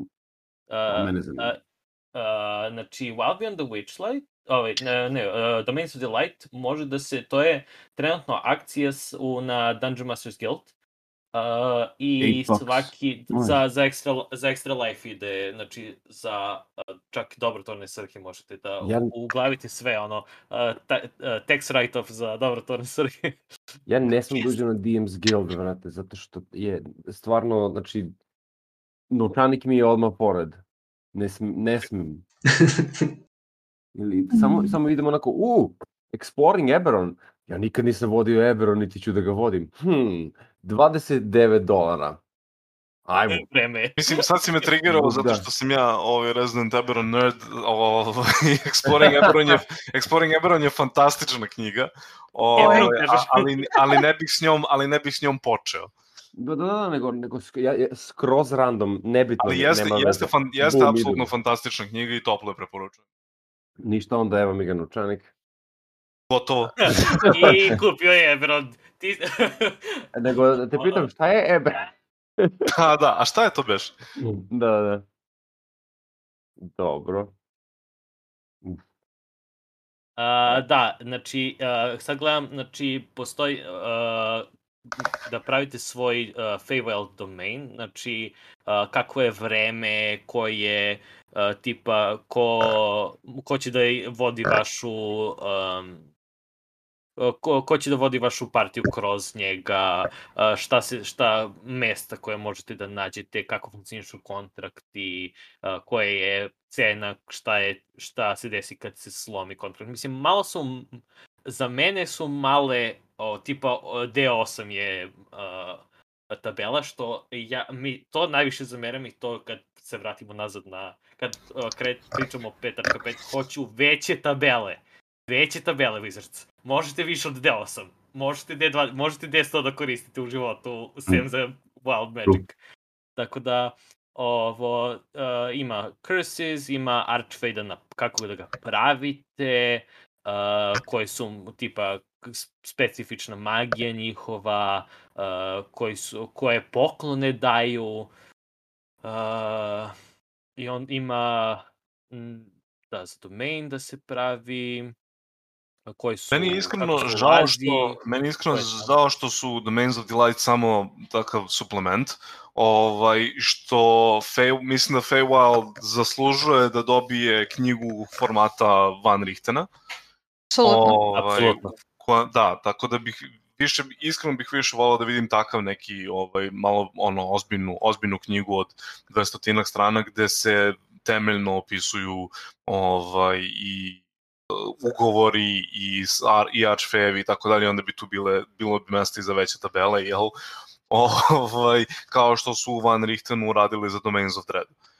Pa, mislim, uh, Wild Beyond the Witchlight malo, ja mislim da ulazi u to, definitivno ima više od Feywildu nego bilo koje Da, ali mislim, Wild Beyond the Witchlight bi bio kao bi bio kao Curse of Strad za taj suplement. Da, znači, mislim, on, mislim on, da će on, da- obezbeđuje mislim da kampanju, ali ne i informacioni suplement za neko ko neće vodi sad baš Curse of Strad ili, ili samo Wild Beyond the Witchlight. Znam da li ste čuli za knjigu koja je isto bila na Kickstarteru, zove se... mm, Još kad bi ja znala kako se zove, to bi bilo Lepo si počela. A, lepo sam počela, imala, sam- imala sam ideju, ovaj, zove se The Fairy, The Fairy Ring Along the Twisting Way. To je, a, to je knjiga u kojoj praktično se objašnjavaju ti uh, fey domeni, ovaj, creatures i tako dalje i to može opet da bude jako je lepo napravljeno, zapravo izgleda, fe, izgleda prelepo. Ovaj, a, I počinje sa, for, sa ovaj, da kažem, um, to kaže, pre, nije predlog, to Marina Srpski, uh, preface ili forward, uh, uvod, hvala. Uh, počinje sa Brief History, The Fae, Fairy and Fairy Tales. Uh, I onda posle toga kreće, uh, kreće cela priča o vilama i vilenjacima i tako dalje i o nekim, uh, da kažem, bitnijim stvorenjima, domenima i tu, to je jako, jako dobar, uh, dobra knjiga za archfeve, odnosno za, za ovaj, da kažem, izbor archfeva za tvoju kampanju i da se pročita, pročita nešto malo više o njima, ima nešto malo više o Wild Huntu i tako dalje. I ono jako, jako fina knjiga, samo što opet fali joj uh, fali joj dosta toga, isto kao što, što svim tim ovaj, suplementima fali fali svašta, ono, bilo bi zaista lepo, ne, fali im, a, ok, imamo suplement koji je kratak, ali želim da, želim ono kompletnu, da kažem, kompletni setting book za Feywild, zato što je toliko ogroman, zato što poli, toliko postoji svega, što ti kažeš, ono, treba objasniti kontrakte, te, treba objasniti te domene, treba objasniti archfeve, sve što postoji u toj, tom celom prokletom plenu. Ovaj, I nikad niko nije napravio nikakav, da kažem, nikakav ono campaign setting ovaj, book za, za Feywild, što je potpuno, potpuno je, ne znam, Mislim da sad ispituju teren za, sa Wild Beyond the Witchlight i ovim stvarima. Kako se, ako se ovo dobro proda, evo sad ćemo isto kao što su za Van Richtenov dodali Mhm. u sistemu. Ako Da. se Curse of Strahd dobro proda, za dve godine, evo dobijete dobijete setting book, to jest ono, detaljni. Čak, mislim, kad je Barovija dobila ceo setting book, a Feywild nije dobio setting Nije book. dobio, meni je to da, da. Meni je to nelogično uopšte, zato što mi je Barovija bila je, out of left, wow. left field. A, Wow. a A- Feywild je nekako od početka tu i Da. nema, nema stvari za njega. Da, tako apsolutno. I znači bukvalno sa svi materijali koje ja imam vezani koji su vezani za Feywild su iz ove knjige The Fairy, The Fairy Ring, uh, Courts of the Shadow Fae uh, i uh, The Wrath of the River King koji je kao poseban modul i mislim sve tako nešto bits and pieces, znaš, od, od iz svake knjige pomalo, ali nikad nemamo, ne, nemamo kompletan setting book koji bi bio vrlo koristan. Ja upravo sam tek sad shvatio što ste rekli, da stvarno Feywild tek sad, what the... Moj mozak ne može... A, it hurts.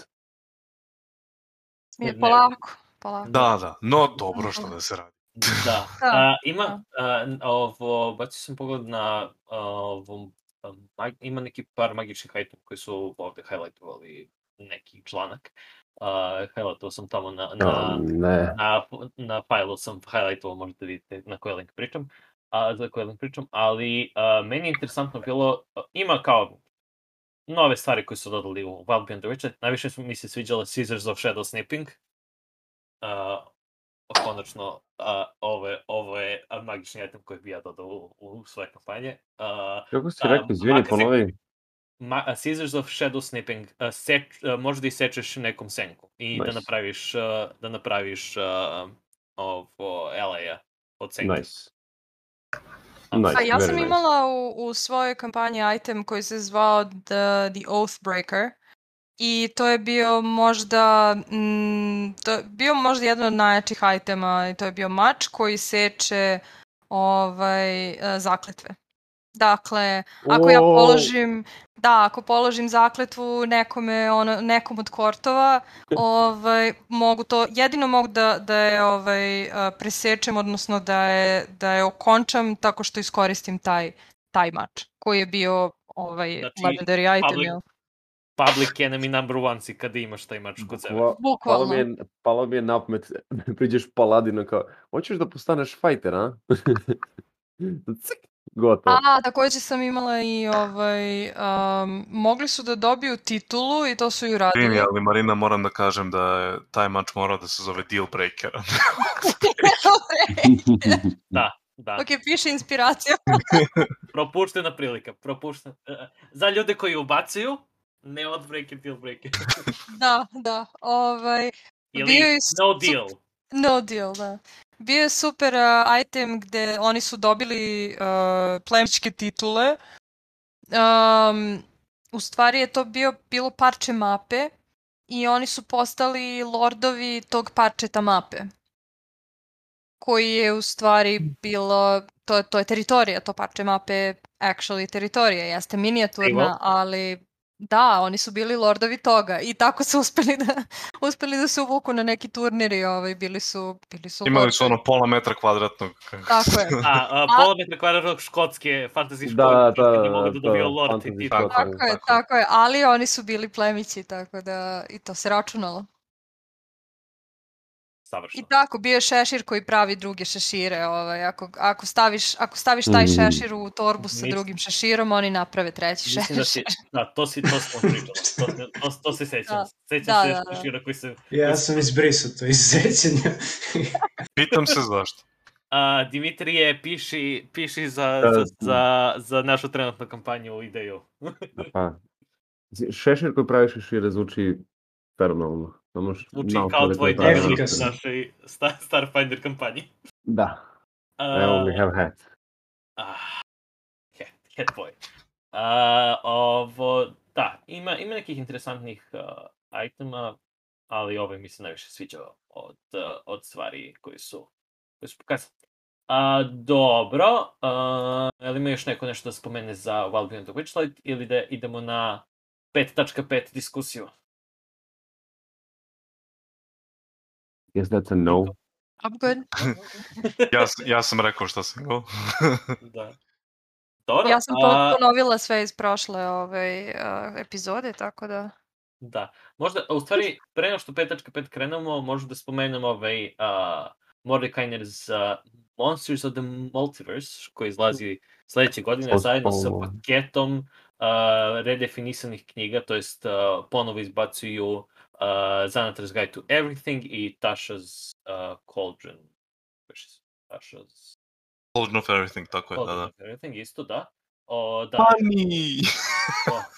Da, bukvalno, 2022. će da izađu sva tri zajedno kao, uh, kao bulk, uh, to jest kao set, zajedno sa, dan, sa ovim uh, Dungeon Masters um, ovo, pa sa ovim bre Shieldom, bože, stava mi kako se zove.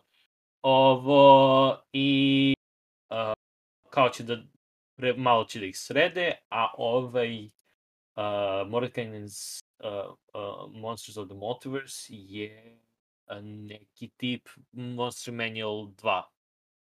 Pa, ja bih prvo rekao četiri. Pa, Ovaj, pa dobro, ali ono, oficijalno, ja ne znam da li su imali jednu knjigu koja je samo, samo baš uh, čudovišta. Jer uvek Pa je ja bilo bih rekao nešto da je, malo da je čudovišta. prethodni Mordenkainen, da je Mordenkainen Tom of Foes baš to, kao i Volo. Pa, u stvari, pa da. Pa to su baš, ono, i bilo, je- bilo je dosta da. propratnog teksta, jel, što nije loša stvar, ovaj, ali je bio fokusiran baš na to da ti da još čudovište i šta, i šta da radiš s njima, posebno u slučaju Da. Mordenkainena. Starog Mordenkainena, jel? Da, da, da, da, da. Tako da ovo će da bude skupina svih čudovišta koji su bili na koji su bili u drugim avanturama do, u Poznati i u a, Unearth Arcana i plus dodatno još neka čudovišta koje su kao u multiversumu i takve stvari. Nice. Tako da to je, to je što se tiče uh, Mordecai Monsters of the Universe. Ja koliko vidim to- samo ono što je još značajno za Mordenkainena jeste što ovaj, izba, izbacuju updateovane playable rase, ovaj, i to je jedno 30 komada. Da. Ovaj, I umesto i menjaju način na koji funkcionišu spellcasting čudovišta, u E, smislu to- da, E, da, to, da, da. da, to- u to smislu da da umesto slotova dobiju akcije. To je veoma Aha, to. Jer ja sam, i- ja easy. sam, da, ja sam gledao, uh, svi spominju neki, uh, to će da kažu kao, to će da bude promenjeno u Monster Manualu sigurno, da će svi da, da, da budu na taj fazon, taj smart, smart stat block, ali nisam mogu da provalim oficijalno šta im znači taj smart stat block. Što je to? Mislim, To- svodi se na to da da, gomilo, umesto da imaju uh, produženu spell listu, imaju kraću spell listu, ali imaju neke posebne akcije koje u suštini imitiraju spellove, a koje mogu da bacaju Aha. jednom ili dva puta, po A, fajtu ili dnevno. to je dobro. To je, to je lakše za... To je za da. Da, Lakše za menadžovanje kao, kao DM, tako da. Apsolutno. Uh, kad moraš da budeš i, i wizard i uh, ovo, dungeon master u isto vreme, Tako je, tako nije, je. nije, nije lepo. Nije, pogotovo na high level. Ah, ma da, kako nije ovo- lepo, to je lagano, bre. Da, da. Zato se Triš. daje, e, zato se pravi uh, Dungeon Master Aid. Neko Da. Igraj ovo umjesto mene. Igraš fightera, kažeš. Mm, u stvari ne, a u, kod, uh, kod Dimitrija bi to bilo. Igraš Wizarda, kažeš. Evo ti da igraš i ove kostore. Bukvalno. ne smeš da daš fighteru. A, Trebalo bi 10 godina. Ok. Uh, ovo, da, uh, D&D uh, su najavili da, to jest Wizards, uh, Hasbro, kako god hoćete, koji chain of command hoćete da spomenete, su najavili da 2024. Uh, rade uh, reviziju core knjiga, to jest izbacuju nov, nove verzije core knjige i svi, svi su na internetu uh, rekli u isto vreme, aha, D&D 5.5. Oni su bili, ne, ne, ne, ovo nije D&D ta- D&D ta- 5.5. Ok, D&D 5.5 je. Ok, uh, tako da uh, svi očekujemo da je D&D 5.5, iako ga oficijalno ne zovu tako. Ali, uh, otprilike uh, je to, to neka ideja da se uh, ponovo izbaci core knjige. I onda je bilo pitanje šta bi mi hteli da vidimo u core knjigama.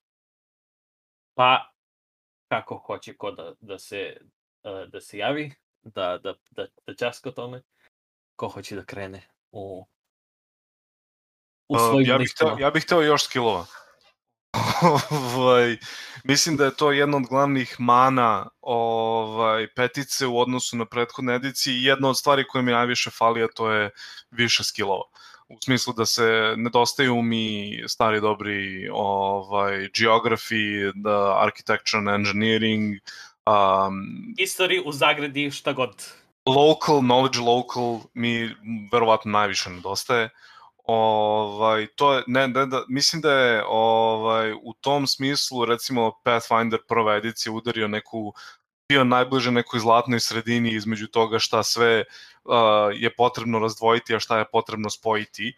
Uh, no, ono, nemam nik, nije, nije mi uopšte žao što su stari dobri pisani spots spojeni u Perception, što su uh, Hide i Move Silently spojeni u stealth i tako dalje, ali bih recimo, ali mi nedostaju različiti knowledge skillovi, to, to, to posebno.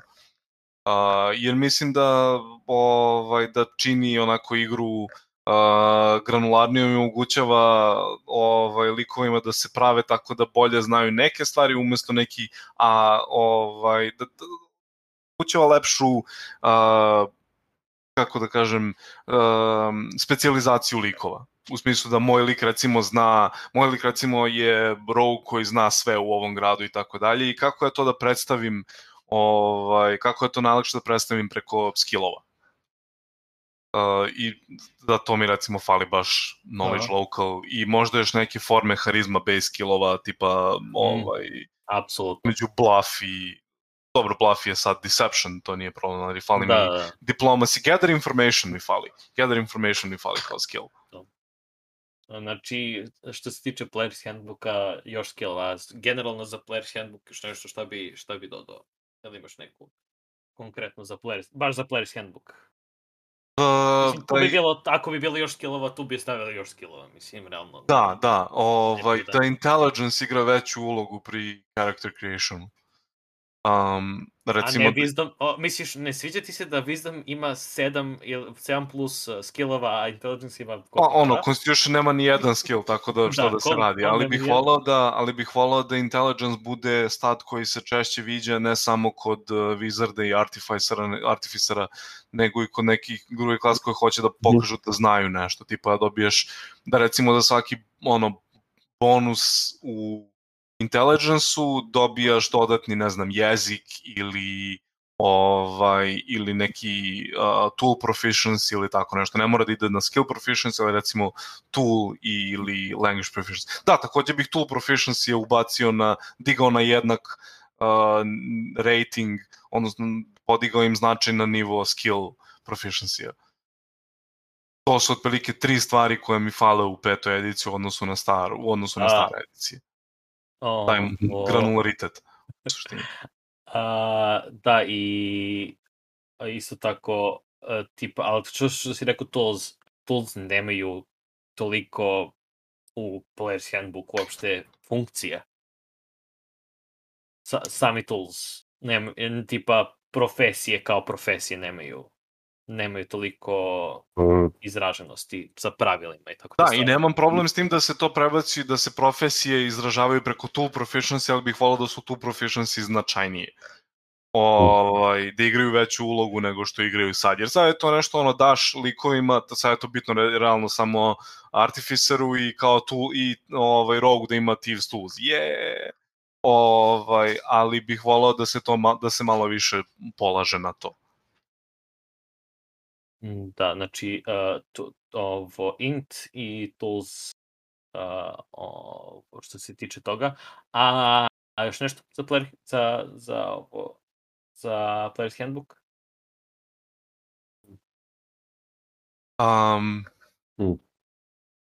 Treba nam više Mislim- bonus, treba nam više bonus ovaj, action spellova. da. A, da, da, da. Samo kažem. samo kažem, samo kažem kao paladin. Uh, i, uh, i, I dalje nećeš da ih koristiš jer ćeš da koristiš might. Uh, E, pa zavisi. Ne, ne, o- ovo je Shield of Fate koristi konzistentno, tako da stvarno... A, da, ovaj, da, definitivno Sh- Shield of Fate. Mo- možda kad bi neki Misty Step bio nekakav bonus action. Ma, e, pa, to, u, u, Misty Step jeste bonus Jel action. jeste? A, Da. ali, ali, je na, ali je na, a mislim da je to na nekom, šta, petom nivou. Kad se dobija Ako Misty si, Step? ako si Paladin of Vengeance dobijaš Misty Step na, Nikad. recimo, sedmom ili osmom. E, pa vidiš. Kad god mo- Paladin e, da otključava... Pogrešila si profesiju, to jest ovo si Da. Da, da, to je tvoj problem. A, dobro, to bi te bilo nešto a, za tebe kao od, a, od Player's Handbooka. A Marina, ti si rekla, znači, sem, sem uh, bonus, jel imaš nešto? Ne, za- ja pa ne, u principu ne, mislim, ne vidim. Prome, šta bi promenilo u, u, u Player's Handbooku? Tre, kakav je trenutno? Pa ne znam, evo sad baš razmišljam, ništa mi ne pada specifično na pamet, ono... Uh, mislim, ja stvarno nisam salty zbog pete edicije, meni je peta edicija baš super. Ono, ono što se plašim da ćemo da vidimo su revizije rasa i A, definitivno će se vidi revizija rasa. da. Dobro, I ali to- revizija rasa na kom nivou? U smislu ono social justice warrior ovaj na tom A, nivou. ja mislim da će da Pa, uklone... ali to je već urađeno. A mislim da znam, ali Ja mislim nije... da će da uklone pluseve za a, konkretne pluseve za određene rase i da to bude više a, op, pool neki koji će da se bira. Mislim, već je u, već je u Taši data opcija da se, da se, plus, da se plusevi, koji, da bonusi koji postoje, koji su stavljeni u PHB-u ignorišu i napi, da se prebace onako kako želiš, tako da je to već urađeno. I mislim da je to dobra Mislim, odluka. oficijalno će da bude, da, ja mislim da je to, to bolja odluka, ali oficijalno Player's Handbooku mislim da će to da promene. Da, to, što je opet što je Da. samo dobra stvar, zato što onda, mislim, ja podržavam to zato što te to onda ne zaključava u to da, kako se zove, da, da recimo želiš da igraš filinjaka koji je barbarian, ali onda šta, ali šta ti radim kad tvoja rasa dobije bonus na dex i int, a ne na one statove koji ti zapravo Aha. trebaju. I ovaj, na primjer, dwarf koji nema dark vision, što je Što je okej okay, ako je recimo odrastao, čudno. ako je odrastao, ako je odrastao na površini. Na, na površini, da. Da, ali ovaj, meni je interesantno da sada, recimo, dwarfovi uopšte nemaju dark vision, što mi je... Ako ono, nemaju Dark Vision. Ja mislim da Dakle, nemaju. Ne, imaju Dark Vision. E, Bila, je- Black bila je jedna rasa koja nema i bila je jako čudna. Ne znam šta ti kažem, patuljci Svakako- definitivno imaju. Svakako, možemo, možemo da imamo manje Dark Visiona, hvala puno. Znači, stvarno, Svi imaju Dark Vision. svi imaju Dark Vision. Da, slažem, da. to slažem. I, on, I onda, mislim, gubi, gubi se na... Mislim, ok, Dark Vision nije toliko jak koliko... koliko Koliko se obično da. igra da je jak, se slažem obično se. igra da je jak, da.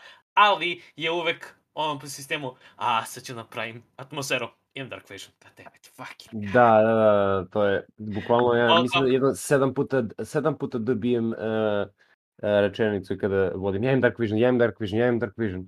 Dobro, to je cool.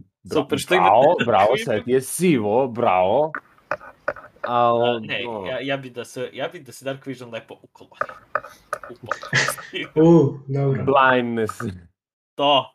A, jeste, bio si Dark u pravu, Vision. morala sam, morala sam da prom, ovaj, proverim lepo, ali da, Humans, Dragonborn, Arakokra, uh, Genazi, Goliath, Halflings nemaju Dark Mislim, Vision. ja kao patuljak u tvojoj kampanji definitivno imam Dark Vision. Ali ti nešto nije ni treba, ovaj, kad malo Pa bolje razmislimo, je tako? Dragonborn nemaju Dark Vision. A, Nemaju. nemaju, ovi, po PHB-u nemaju, a, ovi, a, mislim da je u a, Explorers Guide to Wildmount, da su, da postoje subrase koji imaju Da, Dark da, to Vision su, sa, da. sa Dragonborne. Oni koji su Da. odrastali u pećini. Tako je, tako je. To. Da, da, da, da, to, to je zapravo, mislim, logično zvuči i treba, ali ne znam, nekom... Tipa, ja bi situaciju, da, ti, e, da, mo, da, ne kao cijela rasa generalno, nego tipa situacijano, ili ako da, da, da se, na primjer, napravi pool gde može da se bira da se uzme. Da, ja sam tako nešto radi, ja tako nešto sam uradio za svoj homebrew, gde svaka rasa daje, a, ima recimo dva ili tri samo zajednička stata, tipa svi vilenjaci kod mene dobijaju plus, plus jedan na dex, i imaju ovaj, proficiency sa percepcijom, ali onda postoji pool ability koje mogu da izaberu ovaj, i koje su karakteristični za vilenjake, ali ne, ali ne mogu da izaberu sve, jel, nego mogu dva od recimo pet koliko sam im ista stvar i za patuljke, i onda možda prilagodiš svog liku da li je odrastao u klasičnom, kako se zove, u klasičnoj vilenjačkoj zajednici, pa onda ima smisla da ima one weapon proficiency koje su oni naveli, ili odrastao odvojeno od njih, pa onda ima neke druge stvari, ali je zato, ali to kompenzuje nečim trećim i tako dalje. Da, možda bi bilo cool da se backgroundi malo prošire i da se možda malo a, segmentišu, tako da kad praviš lika da ti ne biraš jedan background, nego da imaš manje background u smislu odakle si poreklom, čime si se bavio ili čime se tvoja zajednica inače bavi i, i tako neke stvari ono, vezano za odrastanje i za stvari kroz koje iskustvo tog lika i onda da se kroz to pres, da se na to presele neke stvari stvari koje su trenutno upisane u rase, kao što su možda Dark Vision, jer tako bi moglo uh, onako da imaš ribarsko nasilje dvorfova koje nema nužno Dark Vision, jer ono, nemaju potrebe generacije. Da, da, ima speci. Ali ima pecanje, da. ima skill pecanje.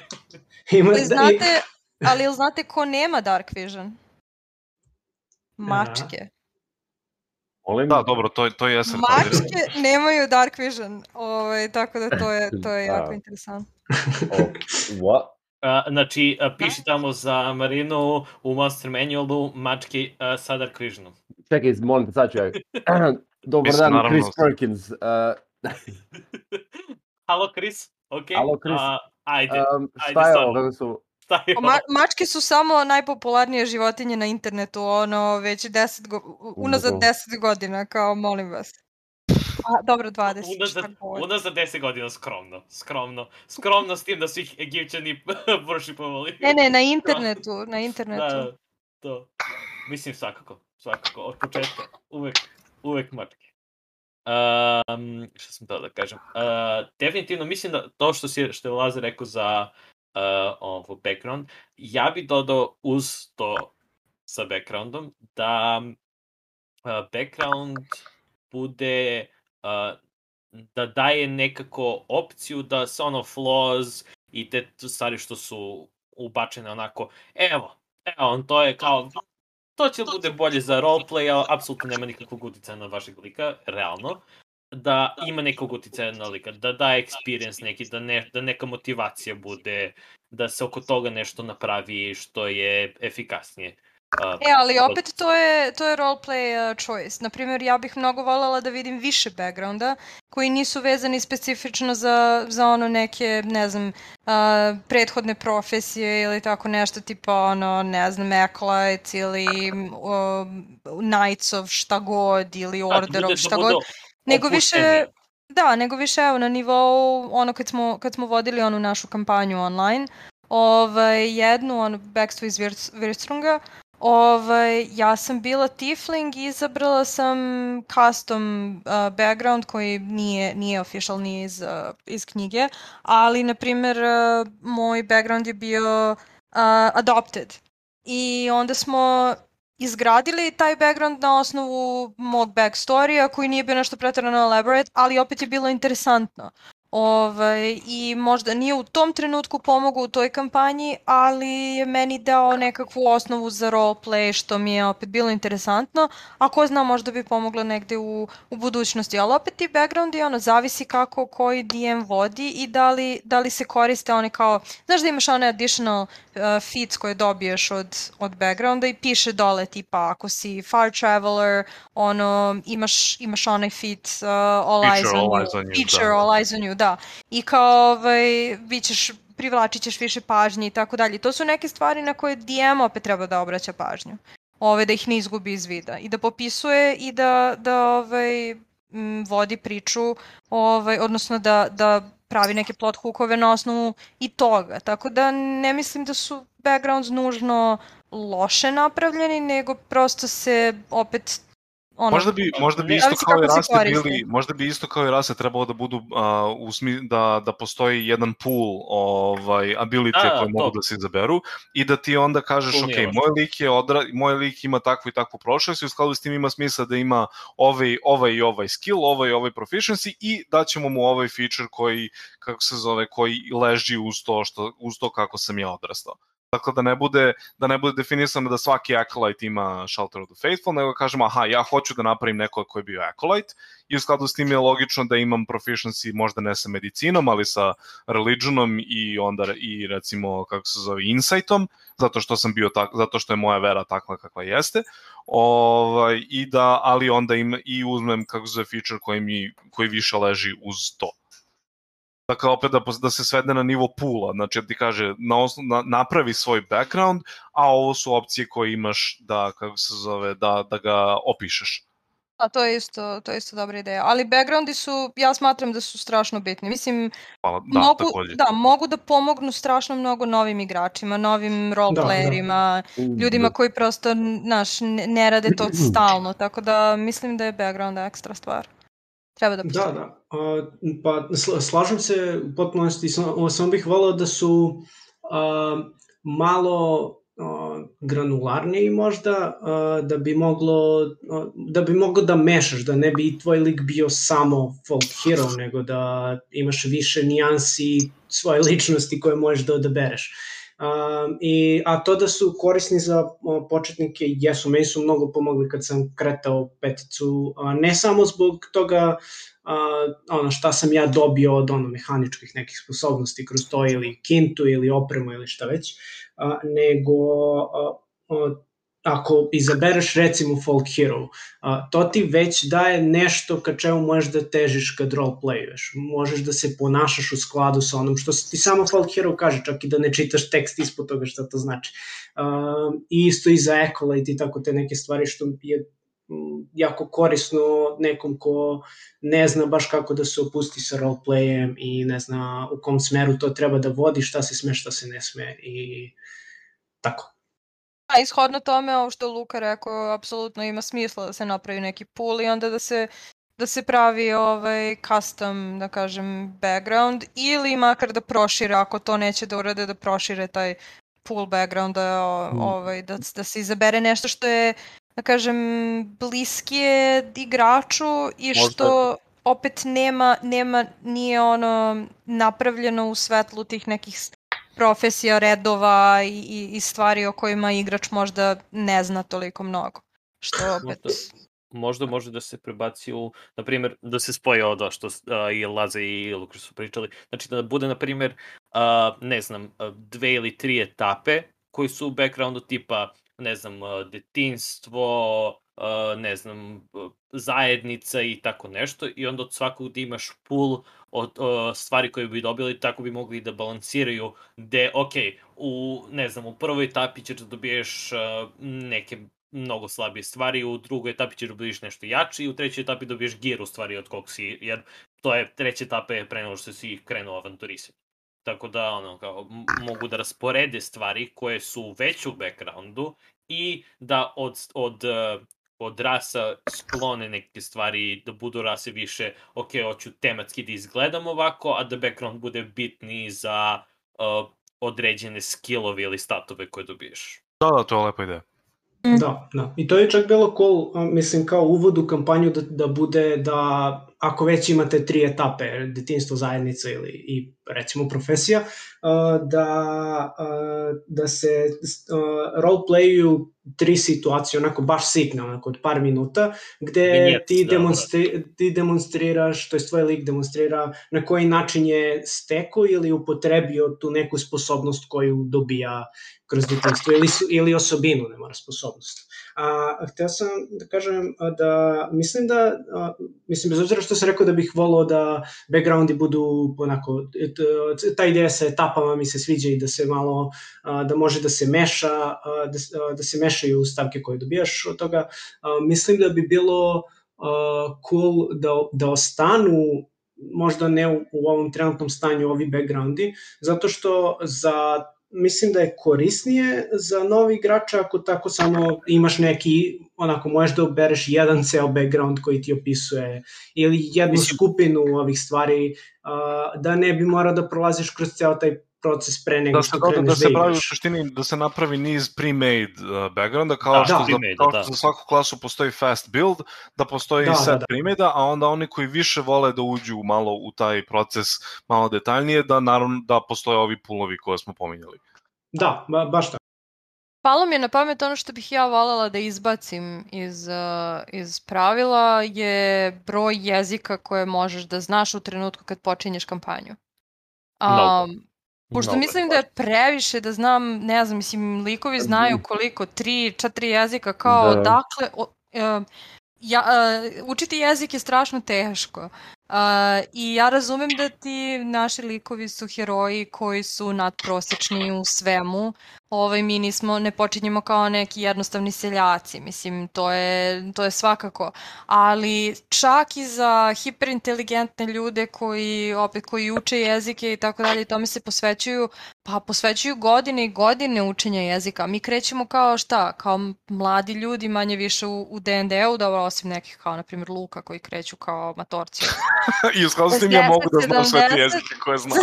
da, to, to je druga stvar. Ali, ali za mlade ljude, ovaj, kad, kad biraju jezike, prosto znati 3-4 jezika je previše. I to posebno da ih znaš fluently, to je nemoguće. Tako da... Ja mislim da to, da, ja se ovde recimo ne slažem s tobom, ovaj, mislim da to dosta zavisi od toga kakvog um, ovaj, da to dosta zavisi od to kako zamišljaš da izgleda lik kad ga praviš. Ovaj, jer opet ono što si rekao, avanturisti kad se prave jesu heroji, jesu oni koji treba, koji su izuzetni. On, ovaj, a, da, i sad, ono kad, kad ti praviš lika, koliko on jezika zna? On zna uh, common, to je to se podrazumeva, uh, i on zna jezik svoje rase, ali to je bukvalno nivou na kojem svako od nas zna uh, srpski i zna engleski, Eng, pričamo o engleski common. Da. Ovaj, tako da uh, mislim da to ni, ne odslikava loše uh, situaciju koja postoji danas. A... Apsolutno, Luka, dva jezika je sasvim u redu, ali ti kao Da. barbarian, ono, Da. hu, na primjer, barbarian human koji se nikad nije bavio nekim izučavanjem a, ne znam, knjiga ili učenjem je- ili nije putovao ili nešto, on sad zna četiri jezika odjednom. Kako on zna Pa- četiri jezika? Pa, Znam ali upravo je to pitanje, kao- odakle, odakle mu, barbarian znam upravo je to poenta, odakle njemu ti jezici, te, je- te jezike će on dobije od backgrounda, koji opet ilustruju vreme koje je on proveo radeći nešto, što To nije, kako zove, što nije samo vitlanje sekirom. Ali to je Pa, jako poorly rešeno. ne, to je pitanje to koliko hoćeš da pojednostaviš, koliko hoćeš da zakomplikuješ igru. Ove, A Mhm. ideja petice je da bude jednostavna, a ne komplikovana. Svakako mislim da, da je ovaj uspeli. znanje, znanje ovaj, da, da je uh, mogućnost da, odnosno da, da uzmeš bilo koji jezik koji god želiš i da ih znaš četiri u startu previše. Ali nemaš Znači- ti, ne, nema svaki lik mogućnost da uzme bilo koji jezik. A, Nego mogućnost da uzmeš jezik je upravo dolazi iz tvog backgrounda ili nečeg drugog. Ali Što ne, ali opet daje ti, daje ti slot Luka da naučiš jezik, ali ne piše koje smeš, koje ne smeš. Tako da ja kao human barbarian ja mogu da uzmem celestial jer Sa kojim da backgroundom? Sa kojim backgroundom? Mislim da možeš da uzmeš sa bilo kojim backgroundom. Ne možeš sa bilo kojim backgroundom, daje ti svaki background jezik. Ba- Dobro, ne daje ti je svaki, uglavnom- ali- Da, koji background daju jezike? Daju Acolyte, koji recimo, kako se zove, koji, zna, koji znači da si ti proveo godine učeći u manastiru, kako se zove, čitajući te neke knjige, ve, či, proučavajući sve te spise. Daje ti Sage, koji ti, koji, kako se zove, koji je upravo to učenjak i on treba da zna jezike. To je kao da je, to je neki jezik koji on tipa učio latinski kod nas ovaj, ili je učio kako se zove, ili neki drugi jezik I, oblasti Luka, je ali za nas. ne, ali ne razumeš. Piše languages two of your choice. Koji, Uvek za, je of your choice. Nikad ti ne kaže, e, možeš da naučiš ovaj ili onaj. Razumeš, možeš da izabereš koji god ti želiš i možeš da napraviš uh, apsolutno šta god ti želiš. To opet daje ljudima koji hoće da min-maksuju i koji hoće da metagamuju, apsolutno daje prelepu, prelepo plodno tle za takve stvari. ali nikad nećeš zaustaviti ljude. Ali možda i, No i možda kao- i hoću. kao Nikad nećeš, Kao nikad Dungeon nećeš Master zaustaviti možeš ljude. da staviš ruku kao "Aha, ne možete da uzimate one specifične, jer oni ih dele Upravo beše na tako, common jezike upravo i na b, exotic jezik, ili tako nešto, ne znam kako su be, koji beše Mhm. terminologija. Jeste, jeste, upravo si. E, i onda tehnički može, ja, ja bi na primjer da rešio tu polemiku Marina koju imaš, jeste da kažu a, možeš da uzmeš samo common jezik ili možeš da uzmeš, a, ako uzimaš um, ovo, ako uzimaš neki ja, ovaj, uh, egzotik, mora da opišeš tačno kako si ga dobio, uh, zašto baš tvoj lik ima to i da to bude apsolutno iz deo backgrounda, tipa ako ti je community možda a ako, ako, ako si ti iz community je, na primjer, uzeo jezik Celestial, znači da tvo, tvoj community ima neke veze sa Celestialom i to će da se odrazi u tvojoj priči i u kampanji. To jest ti nagoveštavaš ovo, nagoveštavaš um, uh, DM-u da hoćeš da tvoj, da, da Celestial imaju veliki uticaj na tvoj, tvoj backstory. Mislim, naravno može preko, naravno DM, naravno može sve da ograniči, ali opet kažem, smatram da je previše, plus ako igraš humana, ti dobiješ dva jezika, koji? Dobiješ common i ne postoji human. Dobiješ jedan jezik. Uh, common. Ne, dobiješ dva. Common je human. Ne, jedan. Ne, dva. Dobiješ common and the language of your choice, Luka. Dobro, ali to je, to je znači srpski i engleski. Ti si naučio kako se zove, ti znaš common koji je u suštini znaš engleski, a kako se zove drugi jezik si naučio zato što si u kontaktu sa, zato što si imao intenzivno kontakta sa nekom drugom zajednicom. A šta ako nisi? Pa onda izabereš neki drugi uče, ono, učenjački. Poenta humana point, to, to je već pitanje sad balansiranja, to je zašto human može da radi, može da ima šta god, zato što, kako se zove, zato što je poenta da oni nisu ni u čemu posebno dobri, nego su jack of all trades. To je poenta humana kao rase. Tako je to već mehanički, ja da kažem, aspekt Jane. koji, koji, ono, a jezik nije bog zna kakav benefit u odnosu na, kako se zove, na sve ostale mehanike koje su mogli da mu daju. Možda nije loše da bude, na primjer, podeljeno isto uh, u zavisnosti od kampanje koju hoćeš da igraš koliki Apsolutno, apsolutno. Na primjer, ako igrate, ako, igra, ako ste uh, com, commoners i tako te stvari, jedan. Ako ste ono kao, uh, ne znam, chosen of the realm, tri. Jel tako nešto? Možda A, bude I tipa opet teksta. mislim da bi trebalo da zavisi od godišta uh, igrača, ne igrača, nego uh, karaktera. Jer ne, mislim ne da- možeš me ubediti da sa 18 godina možeš da znaš četiri jezika. Znači, Pa, imaš, osim- ali imaš ljude koji imaš ljude koji baš to znaju. Exceptionally few, Luka, jako, Ali, jako ali, malo. tvoji, ali tvoji likovi, heroji jesu, on, protagonisti naših kampanja jesu the exceptional few. Dobro, jesu, ali opet mm, ne meni to ubija, ubija mi immersion. I s druge strane, ono, um, ne znam, ja često volim da, mislim, volim taj ceo uh, conundrum šta radiš ako, ako ne znaš neki jezik, a opet imaš nekakve spise i tako dalje. Ono, bacanje languages spela mi je, to jest tongue spela ili kako god mi je isto onako prilično OP. Tako da Da, ne ali znam. evo, skrenut ću ti recimo pažnju na, kako se zove, baš na jednu naših prethodnih sesija, gde se vi našli u situaciji gde niko od vas nije znao jezik koji sam stavio pred vas, Ovaj, iako svi ste inteligentni i znate dosta jezika i tako dalje, ali opet niste znali kako se zove niš- ništa od toga i ovaj i eto prošli ste bez toga bez toga da ste ovaj uvek se može naći jezik koji se ne zna. A to da neko, kako se zove, da je neko uzeo neki jezik koga zna, ja više vidim kao priliku DM-u da ga nagradi za to, za to što se posvetio, po- to što je uzeo taj određen jezik, tako što će mu dati neki deo informacije koji on nije imao. To je koji, kome samo on može da ima pristup zato što zna taj jezik. A, A- vi ste mogli u toj situaciji da recimo bacite com, comprehend languages, ali niko od vas to nije uradio. Iako ste imali pristup tom spelu. A, mislim da nije bio spremljen. Ne, ne, ne, ali ga je imao, ja mislim da ga je Vuk imao kao ritual, a svakoga je deda mogao da baci ka, to, da, kao ritual. Pa dobro, Deda mislim, to, to, ritual. to stoji, ali ne znam, ja bih, ja bih svakako ograničila broj ovaj, jezika koji dolaze iz backgrounda. A, mislim da a, za jezike a, konkretno, pošto a, mislim, slažem se sa tim da, a, da sad sam pregledao backgrounde i daju dosta jezika. Mislim, ja, meni nije to problem, ali ono, da, daju, ve- većina backgrounda Većina daje, daje jezike, Da, da. barem jedan. Uh, I uglavnom je of your choice, neki te ograničavaju, ali uh, ne svi. Uh, I uh, tako da ako je to nekom problem, onda to treba, ali mislim da to treba se reši za, ako je to problem za, za kampanju koju želiš da vodiš, onda treba da razgovarate i da nađete rešenje, ono, kako da, kako da ga već rešite. Ali, uh, ali mislim da uh, D&D uh, i Player's Handbook pretpostavlja da su igrači, to jest da su likovi avanturisti, a, a ne, ne, mislim, avanturisti koji se maju po svetu, idu od grada do grada, od zemlje do zemlje, upoznaju različite ljude I onda čak na stranu i background i sve te stvari, meni ima smisla da, da znaju jezike. Mislim, čak i da nisu exceptional few. Ili, A, Da, ali, ali ajde da se podsjetimo, igru su pravili Ameri koji znaju jedan jezik ovaj, i koji, koji vrlo često ne, ne odvajaju vreme da nauče još jedan jezik.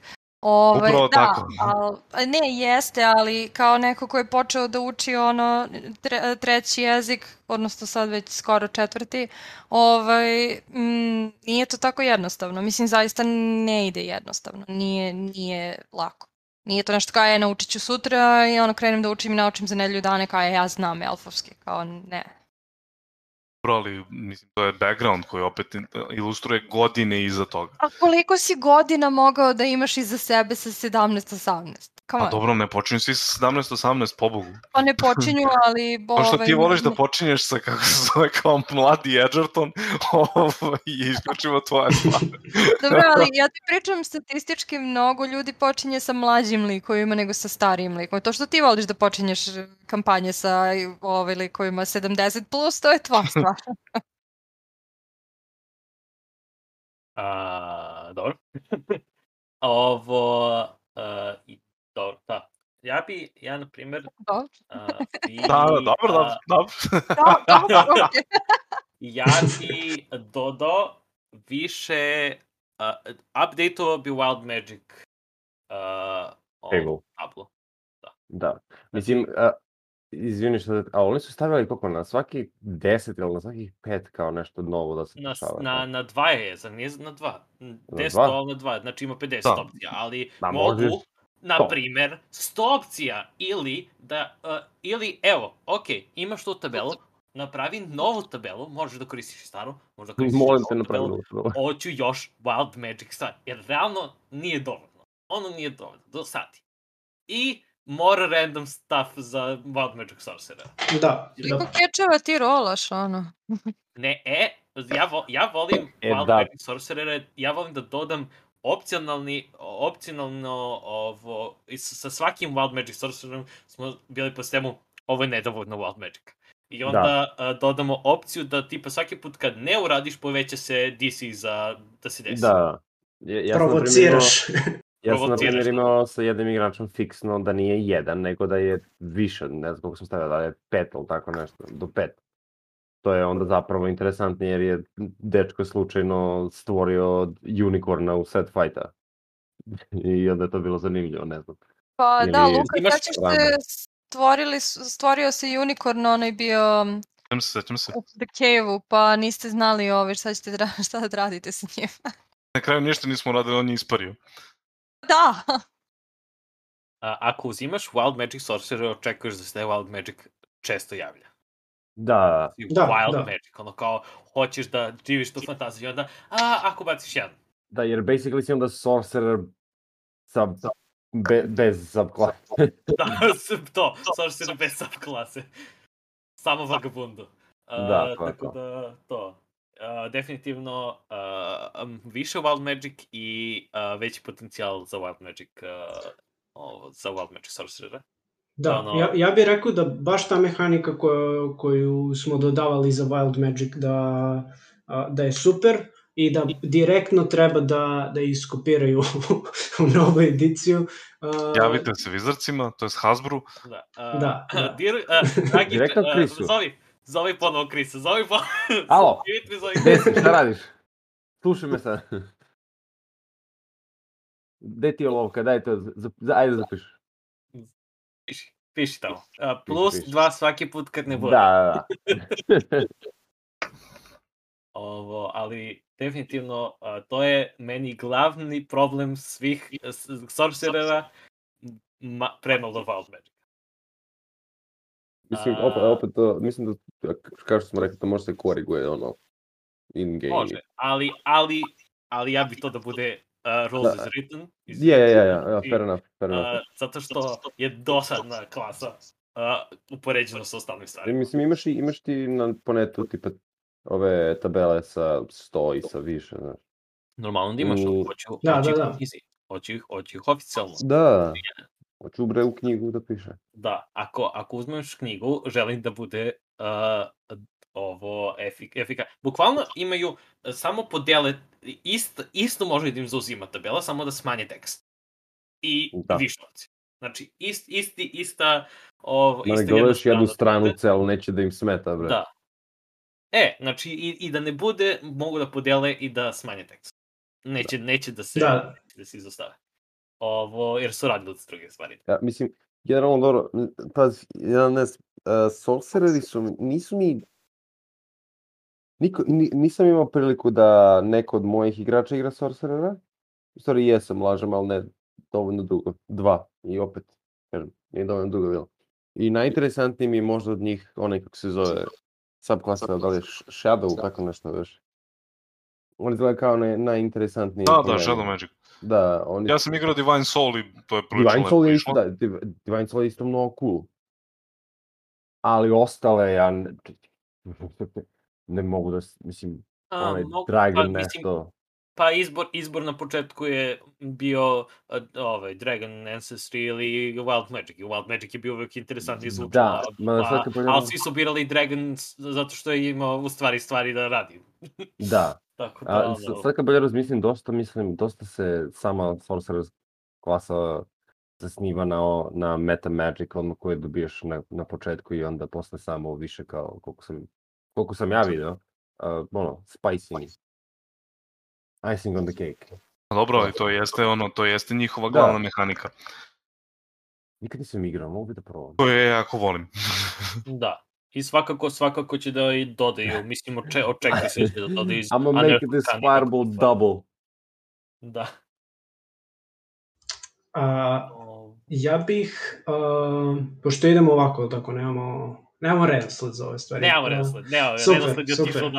Ok, ja bih, a, pošto smo igrali a, dosta Powered by, by the Apocalypse igara i mislim i drugih igara a, koje a, imaju sisteme za uspeh koji se razlikuju malo a, koji se razlikuju od D&D u smislu da možeš da uspeš potpuno i ono, pokidaš akciju, ti si kralj, svaka čast, uh, novo si dobro to uradio, možeš da uspeš delimično i onda uglavnom pra- prati, ono, taj tvoj uspeh prati neka nelagodnost ili uh, neki, neko sranje malo, a možeš i da potpuno pukneš i onda se dešavaju mnogo loše situacije. Uh, meni se u D&D, tek kad sam osetio te druge sisteme, u D&D-u mi se ne sviđa a, kako je rešen DC i volao bih da se te nijanse, def, ne da se definišu, ali, ali možda da se, da, da se upute a, DM-ovi na to kako da,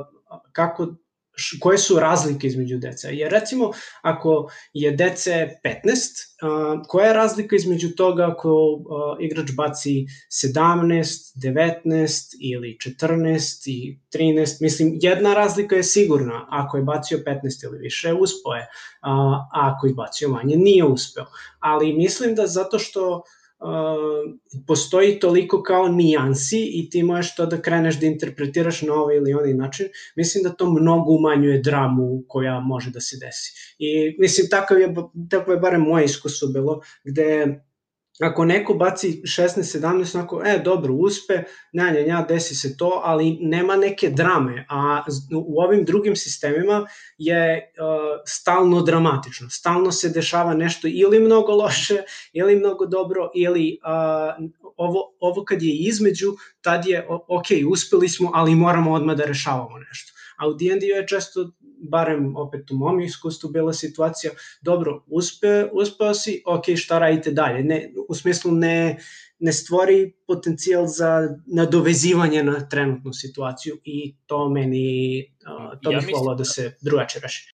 Mislim da efikasno D&D ne može da ima degree of success. Zna, može da se u glavi i ja bih rado da ih da u glavi, znači ja bi, to je, to je meni prva stavka bila kad sam pisao za šta bih hteo, degree of success u socijalnim situacijama ili bolji sistem za socijalne situacije. Zato Da. što mislim da u socijalnim situacijama potencijalno mogu da ubace neku mehaniku koja će da bude, ok, ovo su, uh, ovo su uh, ovo je detaljni način kako da se radi socijalna interakcija, jer sam pogledao i u Player's Handbooku social interactions imaju jednu stranu.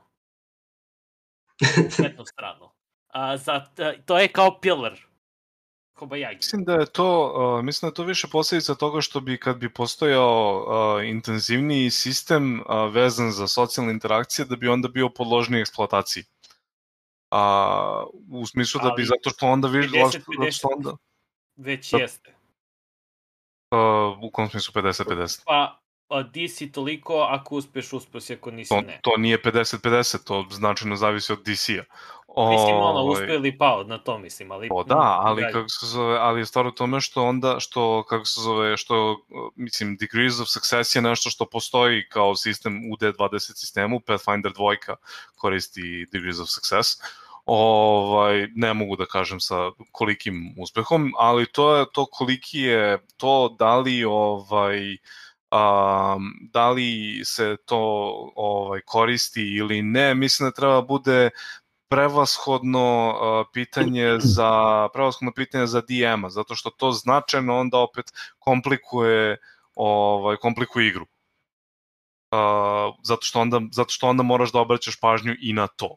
A ti kao DM uvek možeš da kažeš ok, kako se premašio si za ovoliko ili si ili nisi premašio za ovoliko, ovaj to znači da imaš neke dodatne posledice ili jednostavno postavljaš DC, postaviš više DC-eva u startu.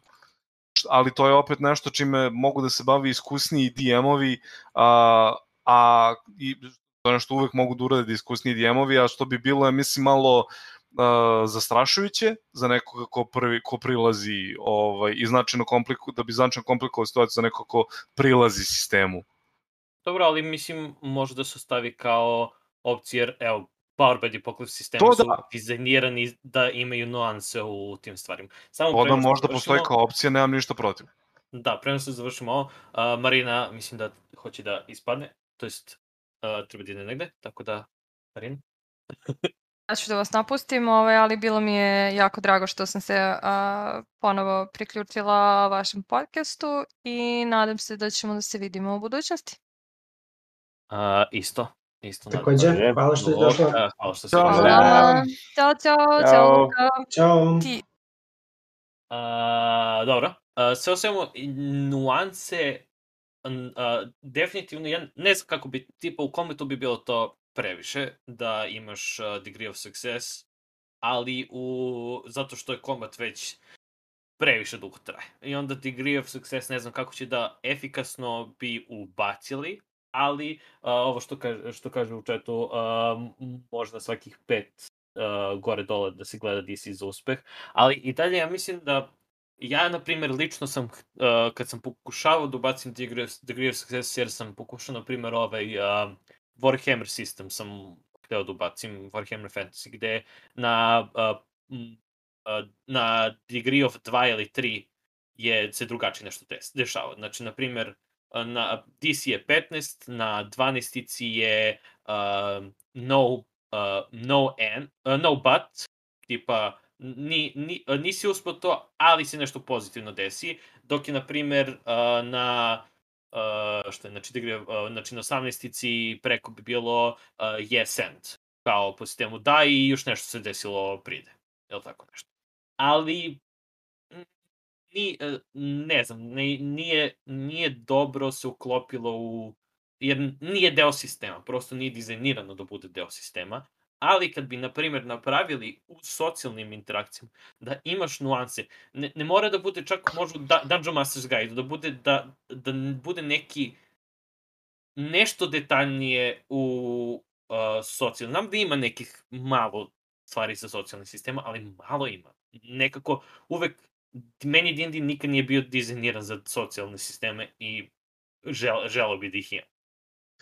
A, ja ne mislim, a, pošto razmišljao sam ja o tome kako bih volao da to izgleda mehanički, ali nisam, nisam uopšte našao na neko, nišao neko dobro rešenje koje bi se poklopilo, da to i dalje ostane D&D, a da ne bude neki drugi sistem. A, ali bih volao da, a, da ti knjige daju malo više smernica šta su, šta su veći uspesi, šta su manji uspesi, kako da, kako da saopštiš ili št, ko, kakve situacije da uvodiš u igru ako su veći ili manji uspesi ili veći ili manji neuspesi i tako to. Zato što, opet kažem, glavni problem ovoga koji ja imam sa tim nijansama DC-a je a, to što nema drame. I ja mnogo volim kritove zbog toga. I čak ako, ako nema nijansi deca ja bi kritove preselio i na skillove. I, jer volim da se desi nešto dramatično i da ljudi kažu e koliko je dobar uspeh sad je ono, mnogo velika mnogo sjajna situacija desila ili jao mnogo loša situacija se desila moramo da reagujemo moramo da tako da treba treba mi drame u, u D&D-u u životu. O, da. pa da, mislim, evo, Marina otišla ne, dra, dra, drama i njena omiljena, tu, ovo, melanholija i drama, ovo, ali da, mislim da ovo, fali, fali neki, prosto smo uh, razvili takve sisteme sad, ono, bukvalno kad se gleda na glavne sisteme imate, ima D&D koji je ono, uh, ili si pao ili si uspo, imaš Power by Apocalypse koje su nuanse i još mnogo no, novih sistema koji rade te ok, možeš da uspeš, ali da se nešto loše desi, ili možeš da ne uspeš, ali da se nešto dobro desi. I nema dovoljno toga u D&D-u i ja bi isto hteo, isto kao i ti Lazo. Mislim, mi smo se prebacili na novije sisteme, na druge sisteme zbog toga. To je ono jedna od glavnih stvari zašto smo se i prebacili na druge sisteme. Znači, ja sam i dalje tu. Ja volim da ga korigujem. Pa ako dođe Barca plus 38 na, na Persuasion i hoće da persuaduje neku glupost i da mogu da dignem DC na 55. ne možeš, Mislim, ne možeš od... Mm. DC, ne znam, meni, meni je lakše, na primjer, lakše mi gledam to, mislim, ne postoji nikakva formula kojom ti možeš da onako iskalkulišeš. Ali onda tu, tu, im, tu imaš da, da. problem, tu imaš problem, uh, povećavaš uh, DC-eve koji bi ran, da, da, da su naišli kao raniji igrači na tu istu uh, ovo, DC bi im bio mnogo manji nego sad kad ti znaš kao DM koliko je njihov DC. I onda je, tu isto ima problem. Mislim da bi to bilo više samo uh, za, za, za takve osobe koje briljiraju sa nemogućnim, nemogućim kockama. To je jedini način koji, kao, ako mi sad pada na pamet da mogu da korigujem sve to. Opet nije dobro jel te? A šta da radiš? Ne znam. Ne znam što se mene tiče svaki metod koji poboljšava priču koju pokušavam da, da. ispričam je legitiman metod i u skladu s tim ono da li ću ja sad da modifikujem DC on the fly što redovno radim ovaj, ili, ću da, ili ću da se držim neke formule koje imam je ono pitanje koje svaki DM može sebi da postavi, a, ne mora, a, a odgovori ne moraju da budu isti ja preferiram da improvizujem i da na licu mesta assignujem DC, zato što, zato što da, da. otko znam koliko, kako, zašto ne znam na pamet svoje ovaj, uh, statove igrača, uh, ili ne želim da ih znam na pamet, a, ili čak kako se zove da u zavis toga kako su roli da kažem aha, ok, to je uspelo ili nije uspelo. Ne moram na licu mesta da znam DC, nego samo kažem aha, rola je dovoljno visoko, to je ok. Da, da, da, da, okay, da, fair enough, da. Ali fair, mislim na kraju krajeva najbitnije najbitnije je da se zabavljamo i da pričamo neku priču, tako da ovaj dogod to što radimo, dogod to što dogod sistem koji koristimo kori, u korist priče i čini priču zanimljivijom, sistem je ovaj to kako se sistem zove i da li je to uključeno u originalna pravila je potpuno nebitno. Da. Ma plus 43 na Persuasion. Jo, dođe mi samo šlog da dobijem u tom trenutku, majke mi. A, dobro, pazi, a, nije toliko loše koliko je bilo 3.5 sa određenim stvarima. Upravo tako. Zato i kažem da. kako se sistem koji je sistem koji je u tom smislu ovaj uh, okrenu, o, više okrenut brojevima je onda i podložniji eksploataciji. Da. To je, ovaj, tako da je, o, tako da je meni sasvim okej da ostavim ono, poglavlje o socijalnim interakcijama na jednoj strani, zašto onako najvi, zato što volim da ih ostavim na nivou, ok, šta ste vi uspeli meni da ispričate, a ne na nivou, e, šta ste vi uspeli da izrolate. Pa mis, mislim, ono, zavisi od, od stola do stola, ali svakako, hteo bi da imam nešto tu da bude kao po sistemu, ok, ovo je otprilike kako bi trebalo da radite, i onda posle, normalno, kao, D&D, kao je sve ostalo u D&D-u, just wing it, ali ovo, volio bi da ima neki, da, da poradim malo na socijalnoj interakciji i si, sistemu socijalne interakcije. Da, da, To, razumem. bi- to, to, je, to je tipa nešto što bi bilo u Player's Handbooku, jer ne bi bilo u Dungeon Masteru to, to barem ne bi bilo. To bi bilo, mislim, kao pillar, uh, pod znacima navoda D&D-a, uh, ima jednu stranu. I onda kao, šta, šta, mislim, u, u da kažemo, pra, pravilima, pravilima u Dungeon Master's Guide. Um, isto tako, kad što se tiče uh, ovo priče i opcija, uh, još non-combat magija i uh, to mi je čak i uh, Grašić uh, mi je poslao bio šta bi on hteo. Uh, on isto bio po sistemu više uh, više non-combat magija ovo, koje ono flavor flavor magija. Samo flavor, flavor. Hoću taj, što bi rekao Guy Fieri, flavor town. Znači, Ovo, nešto tako- što, nešto što samo čini malo drugačiju igru. Ne znam, sad, sad treba kad igram ovo sa Burazerom i na, veoma sam ponosan na sebe, moram da se pohvalim, napravio sam e, Circle of the Spores druida, pošto sam, onako imam utisak da niko neće, ne želi da igra. One, E, ovaj igrali- novi, imali smo, mislim da je Pepi kod mene igrao Circle of the Spores, ne, valjda. ne znam, to je bilo, je, mislim, to tad ja nisam bio uključen. Neki, ne, neki, neki od, uh, da, neki od uh, Da, one I napravio sam ga, da, mislim, druid, ali tipa sa double scimitar ili tako nešto, nemam pojma. Napravio sam da, da bude onako melee oriented i da je frontliner. I... Uf, igra mi se sad, ja se izvinjavam, momci. A, da, mislim, ja sam, ja sam, gledao sam um, ovo, da, šta mi je Graši bio slao od stvari, tipa, on je spomenuo weapons, za improvised weapons, da bolji sistem malo, pošto kao sve je, sve je D4 i interesantno, a, da, da bude malo, da deta, detaljišu im- improvised weapons, uh, ovo, i throwing distance i tako te stvari, malo da, da, da srede weapone. Throwing distance ja... stolica. Da. Mislim ono, da, se, da srede malo weapona što se tiče uh, Mhm. improvised weapons i generalno weapons, a ovo, ja bih za weapons tipa da ih malo, da ih malo odvoje, da im daju neki flavor.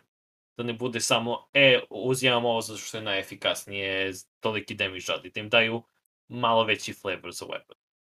Pa, ali ako im daju flavor, mislim ti, ti flavor možeš i ovako da daš, to opet ne povećava Da. njihovu efikasnost. Pa, I opet će ljudi, ako, uzima, ako ne uzimaju zbog, ako uzimaju čisto nivo efikasnosti, uzet će i dalje istu stvar, bez obzira na flavor. mm, da, ne znam. Možda eventualno ne, neki, neki skill povezan sa... sa A, to, da im daju još neke dodatne sposobnosti, to je Da. već nešto drugo. Sposobnosti, izvinjavam se, fla, pod flavor mislio sam sposobnosti. Mislim da, da, ih, da, da naprave razliku između njih, koje je, ali stvarno da, da bude razlika, da ne bude po sistemu, aha, uzimam mač jer je mač najefikasnija stvar da uzmem. Nego, zašto imaš pet stvari koje rade istu stvar? Ili barem, uh, mislim, pod, pod, tim, uh, pod tom idejom uh, još fitova. Uvek još fitova. Dobro, oni, pazi, oni jesu sa svakim većim suplementom izbacivali nove fitove, Da. tako da to stvarno... sve te suplement fitove dostave u Player's Handbook. Dobro. Toliko, toliko. A, fit, neka, ovako, prvo, neka uh, uh, Wizards of the Coast, odu na Dungeon Master Guild, da kupe sve ono da kupe sve. i neka ga ubaci. Pa ne, još mislim, jednu, bukvalno. jednu tek knjigu, brate, koju mogu da čitam Samo 70 font. godina. Samo smanji font. I, sve im je samo- rešeno. Ne, nikako, nikako ne, samo to da ne rade. Znači, molim vas, ne smanjujte font, ne mogu više knjige sa e, sitnim slovima, mrzim ih i a, ne želim da, da se čoravim da bih pročitao koliko D8 damage pravi nešto. Lupu, lupu mora da koristiš. No, Za ve. to, bi bilo, to bi bilo zanimljivo da gledam. Uh, Laza sa lupom. pa, He? Laza s lupom, ne, zašto? Koji je ovo D8 ili D6? Um, Da, ja bih volao da se a, nekako skrati borba, a, da ne znam šta, ja opet kažem, ja samo pričam šta bih volao, ne, ne mogu nikakvu konstruktivnu ideju da ponudim, ali a, to mi je dosta smetalo kad smo igrali D&D što ima i dosta čekanja i a, mora, mislim, po, ono, postoje načini da ti ubrzaš borbu, ali čak i tad mi deluje nekako sporo i voleo bih da, možda da ostane sistem za ljude koji vole ovu borbu, ono, ali da postoji neka alternativa kako da se kako da se igra, a da borba bude brža i dinamičnija i da ljudi ne čekaju mnogo. Pa dobro, mislim, pazi, to dosta zavisi i od igrača. Ja, na primjer, kažem ti, um, e, jedan trenutku sam praktikovao i imam, ne znam kako se zove, od uh, Pictionary-a, imam onaj mali peščani sat. I pričao sam sa svojim igračima, ok, evo, stavljam ovo, pre svake runde imate onako, da bismo ubrzali, jer smo svi ustanovili, ja i igrači, da mnogo, mnogo vremena treba. Da, ovo, i onda, evo, minut, dogovorite se otprilike kako biste odigrali ovo, zamislite šta želite, čim istekne ovo, krećemo rundu i igramo brzo. Jer gubimo po 3 sata, mislim da duše to jesu šest igrača i ja. Znaš, koji možda imam više likova koji rade nešto, ali otprilike u principu ja već znam i kažem, aha, okej, ako su na redu sedam goblina koji se svi zovu boblini, imaju brojeve, oni će svi da urade jedno te isto i napašće i bla bla bla, bla tog i tog. ali onda neće genijalno. ako se zove Boblin. Su Boblini napadaju. Boblin je it. NPC koji, koji ljude, koji. Evil Boblin. Boblin. Evil, Mega evil- Boblin. Da, da, Mega A, a, Boblin. znači, a, Dimitrijev, a, Dimitrijevo rešenje komplementarni peščani sat u svaki versijan. Da, i onda je to se, u jednom trenutku se to ubrzalo dosta. I onda je bilo pa pa pa pa pa pa pa. Opet moj fighter, doduše treba mu, a, no, Da, ali i dalje traje, mislim i dalje Da, traje. i dalje traje. Ne, da, mislim i dalje je blok... Nekad oni meni urade neki trigger i brate, i onda ja, hmm, nice. Da, uh, blok shall minimum take. dva sata. Pa, da. Ali ajde. Ne Mislim, znam kako bi, kako bi moglo da se... M, kako bi moglo da se ubrza. Jedino, a, ok, ima dve stvari. Ukloniš druid klasu a, i a, smanjiš HP. Just delete the druid class. Mislim da, mislim da u tom smislu jednostavnije onda je jednostavno igrati drugi sistem. Da, apsolutno. da. Ali može i da se ukloni druid klasa. Realno. Mislim da... To, ne, bi to- slušaj da me bi, ovako. Da bi igra više propatila. Izađite napolje. Touch some grass. A, Da. Da. Da, tako. Eventualno da se, da se smanji HP bloat. Da bude malo opasnije i da bude tipa dinamičnije, da ljudi brže padaju, ali isto tako i neprijatelji. Mhm. To, je- to je možda, možda jedini način da vidim da je, da je onako sm- smanjeno. Ja, ja ne vidim način kako da se to promeni. Mislim, o, ove homebrew stvari su mi cool, ali mislim da ne bi mogle da uđu u knjigu baš. A, ali ne vidim način kako da se to promeni, a da ostane D&D. Uh, i da A. i dalje ispoštuje sve stvari za ono, combat mehanike što se tiče napada, Da. magije i tako tih stvari. Jedino što će da ima jeste, a, ovo izgleda kao Tolkien Nesk, da, igrica. To će da na kraju stavim. Da. Da.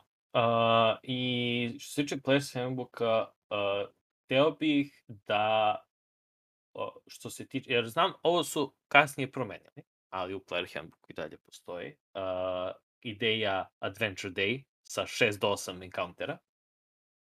Uh, Molim, samo da se... Da, Adventure Day u o, Player's Handbooku piše 6 do 8 encountera dnevno. Problem sa tim je što to onda zahteva temeljan rebalans svih klasa. Zato što... Ali oni su ovaj, sklonili tu ideju. Mislim, posle su kao rekli po sistemu, pa dobro, ne baš 6 do 8, Da. bla, bla, i onda su I dalje, sklonili. i dalje, i dalje je potreban rebalans kako se zove klasa u skladu, Da, mislim temeljna apsolutno. rebalans klasa je neophodan, baš zato što gomila klasa visi o short restu, a gomila klasa visi o long restu. Ovaj, I tu naj, najdeblji kraj izlače fighteri, warlocki i monkovi zato što su to klase kojima je ovaj, short rest neophodan da bi mogli da funkcionišu na istom nivou a, kao klase kojima short rest ne treba u toj meri. Long rest onda treba, ja bi, ja bi možda čak pri tome long rest malo nerfovao. Jer nekako je veoma reset. Um, po sistemu, ok, uh, long rest, sve se resetuje. Mislim, skoro sve. I onda možda bi eventualno da se promoviše više uh, short restovi nego long restovi. On, ja bi, mislim, ja bih smanjio zavisnost klasa koja zavise o short restu, ovaj, da bih smanjio upravo tu njihovu zavisnost, ali to je sad, ono, to sad različiti pristupi, ovaj, sad različiti pristupi tome kako bi to moglo da se reši, ali mislim da bi, da, da bi menjanje koncepta short i long rest zahtevalo mnogo, i, iniciralo mnogo dublje promene u a, strukturi svih klasa, a, nego što ćemo nego nego nego što su oni spremni za njih. Da. Pa To je dobro, za, mislim, za imaju, takve promene. e, imaju četiri godine da update sve klase, znači, apsolutno. Da, da. I Bukvalno. verovatno su radili na njima već Zamisli uh, samo ranije, dođe, tako samo novi art cover za... je knjiga sve isto identično. Da, i sve isto samo, samo Da, da, kao, uuu, new art. To, promenili jel promenili će- su neke imena.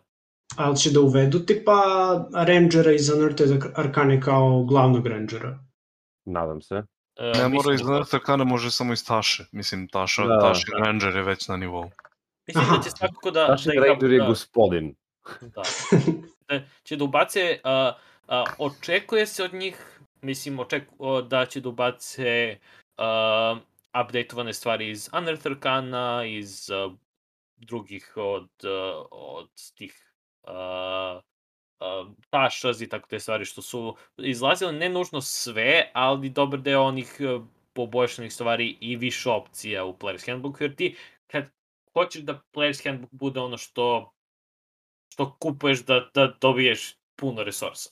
Ne da kupuješ 500 različitih knjiga drugih kad nemaš Player's Handbook novi. To se neće desiti. Mislim, čisto zato što je to, to je kompanija koja treba da pravi pare i u skladu sa tim ovaj, će uvek Ja. u bolje, će- će, više u interesu nešto- biti da objavljuju više suplemenata nego jednu veliku. Da. Da. Jasno, jasno, ali Here nešto će morati da doda. Da, nešto će morati da doda. A, da, Dobro. to je prilike... Sve dok je sa content Players- nek košta. Nemam ništa protiv. Da. Je Player's Handbook je zanimljivo, mislim. Samo to. Da. To je otprilike to za Player's Handbook. Um, ne znam, gledam da li je da li je Grašić još nešto spomenuo za Player's Handbook, mislim da nije. Uh, Monsters Manual? Na, mislim šta. Mislim da će ove promene koje instituišu za Mordenkainena već biti sasvim dovoljno u tom smislu. Ne. To. Da, da. Eventualno ja bi, ja bi dodao da uh, za više opcija za uh, pravljenje boss monstera. Tipa, hoću da napravim ovog CR3 čudovišta da bude mnogo, mnogo opasnije. Uh, daj mi opcije kako da, kako da ga napravim opasnije, kako da ga napravim da bude ono, da ima više op... Da, Template u suštini. to, template, bukvalno. Mm. Mislim da je Grašić mi nešto bio spomenuo po sistemu a, a, za, mislim, CR sistem treba se prepravi. Znači, CR sistem mora Pa, da, CR sistem nikad nije bio pouzdan. nikad nije bio Ovaj, poznan, ali mislim da imaju dovoljno Nikad i neće biti jer sve da- toliko zavisi od kocke. Da, mislim da imaju dovoljno podataka sad da ga malo poboljšaju. Ili da barem naprave nešto što će da bude bolje bolje sistematizovano od uh, trenutnog CR sistema. Ovo, ali, uh, m, baš, mislim, Grašić je spomenuo meni, ali i slažem se s tim da, tipa, ok, ako modifikujem ovaj, ovo čudovište, na primjer, da mu dam flying ili da mu dam određene stvari, kako će to da promeni CR, to, ono, kako će da, u, ali da piše u stat bloku, mislim da bude u, na page-u čudovište, da bude za svako čudovište individualno. za modifikaciju. Mhm. Koje su u Monster Manual. Ako već dobiješ Monster Manual, što ne bi to pisalo? Jeste da je posao, ali mislim, to je poenta knjige. Da, da. Tako da, to bi, to bi neke stvari. Eventualno, više okruženja. Da se detaljiše okruženje. Čudovište. Pa, d- d- ok, da, da ne bude samo za ove koji imaju, kako Layers. zove, da, layers. Nego da bude mislim, tipa ima, ima, ima, ima po neka, Ima, Ima, ima, ali, ali ne još toliko, To, I guess. to, Mada još. sve to možeš, sve te, mož- sve te informacije prilike možeš da nađeš i po... Apsolutno, ali po na primjer u ovaj, uh, uh, šta gde je bio, u uh, Volu prvom ili Mordekaiser, uh, kad je bilo tipa sve za Hobgoblin, sve za Volo. stvari. A, da, da, da, da, jeste, jeste, E. volo, da. To, još toga. Za, za njihove layere, kako izgledaju, Deta, de, Sve ovo, da, da. detaljnije, za, za stvari koje su trenutno u Monster Manualu detaljnije. za, za, za Witch Coven i za, Coven, za Witches, meni je to bilo genijalno kako je napravljeno. I E. kako one funkcionišu i sve ostalo. Day to day, basically. Da. imali. Lazo Luka, nešto za Monster Manual? Pa, ja iskreno ne mislim da su takve promene viabilne u, kako zove, u formatu u kojem postoje, da će takve promene ostati na nivou, kako zove, na nivou dodatnih knjiga, ala, Mhm. ovaj, ala Volu ili Mordenkainen, baš zato što ovaj, baš zato što nemaju mesta za tako nešto. Volo i Mordenkainen su dobre i korisne knjige baš zato što nude tako nešto, a ne, a ni, ne bloatuju osnovni kako se sadrže tebi Monster Manual, treba da ti pruži, treba da ti pruži statove, jel? Ovaj, sa još nešto malo do pozadinskih informacija. Tako da za Monster Manual, ono, meni je Monster Manual ok, ovakav kakav bih volao da vidim više ono specijalnih akcija po čudovištu, uh, ali i ovakav kakav je, nemam, Da, trenutno nemam se, žalbi. to se i očekuje da će bude ono malo, malo veće.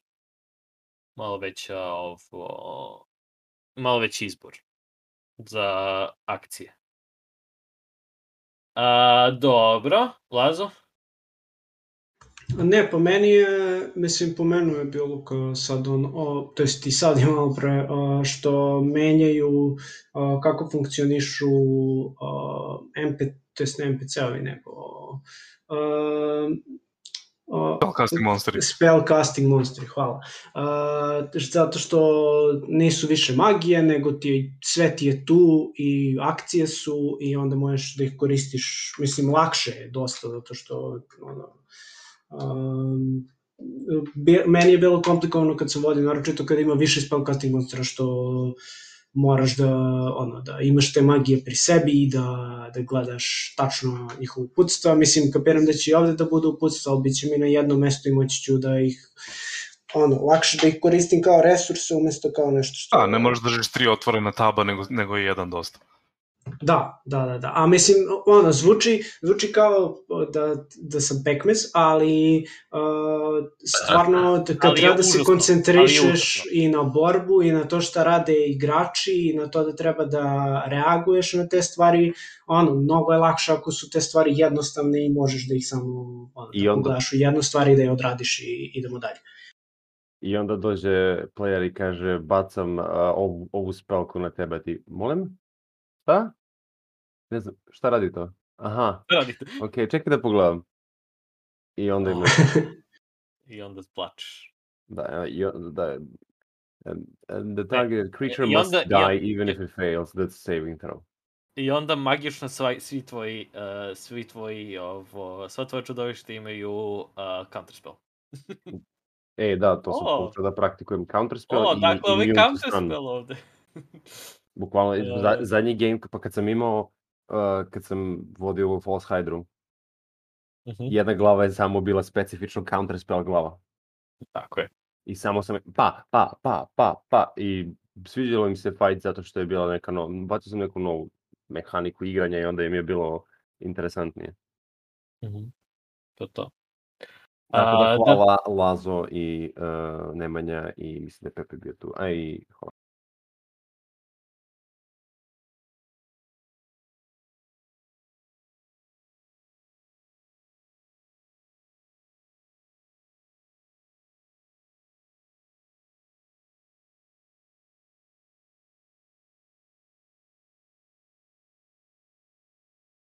Igraš.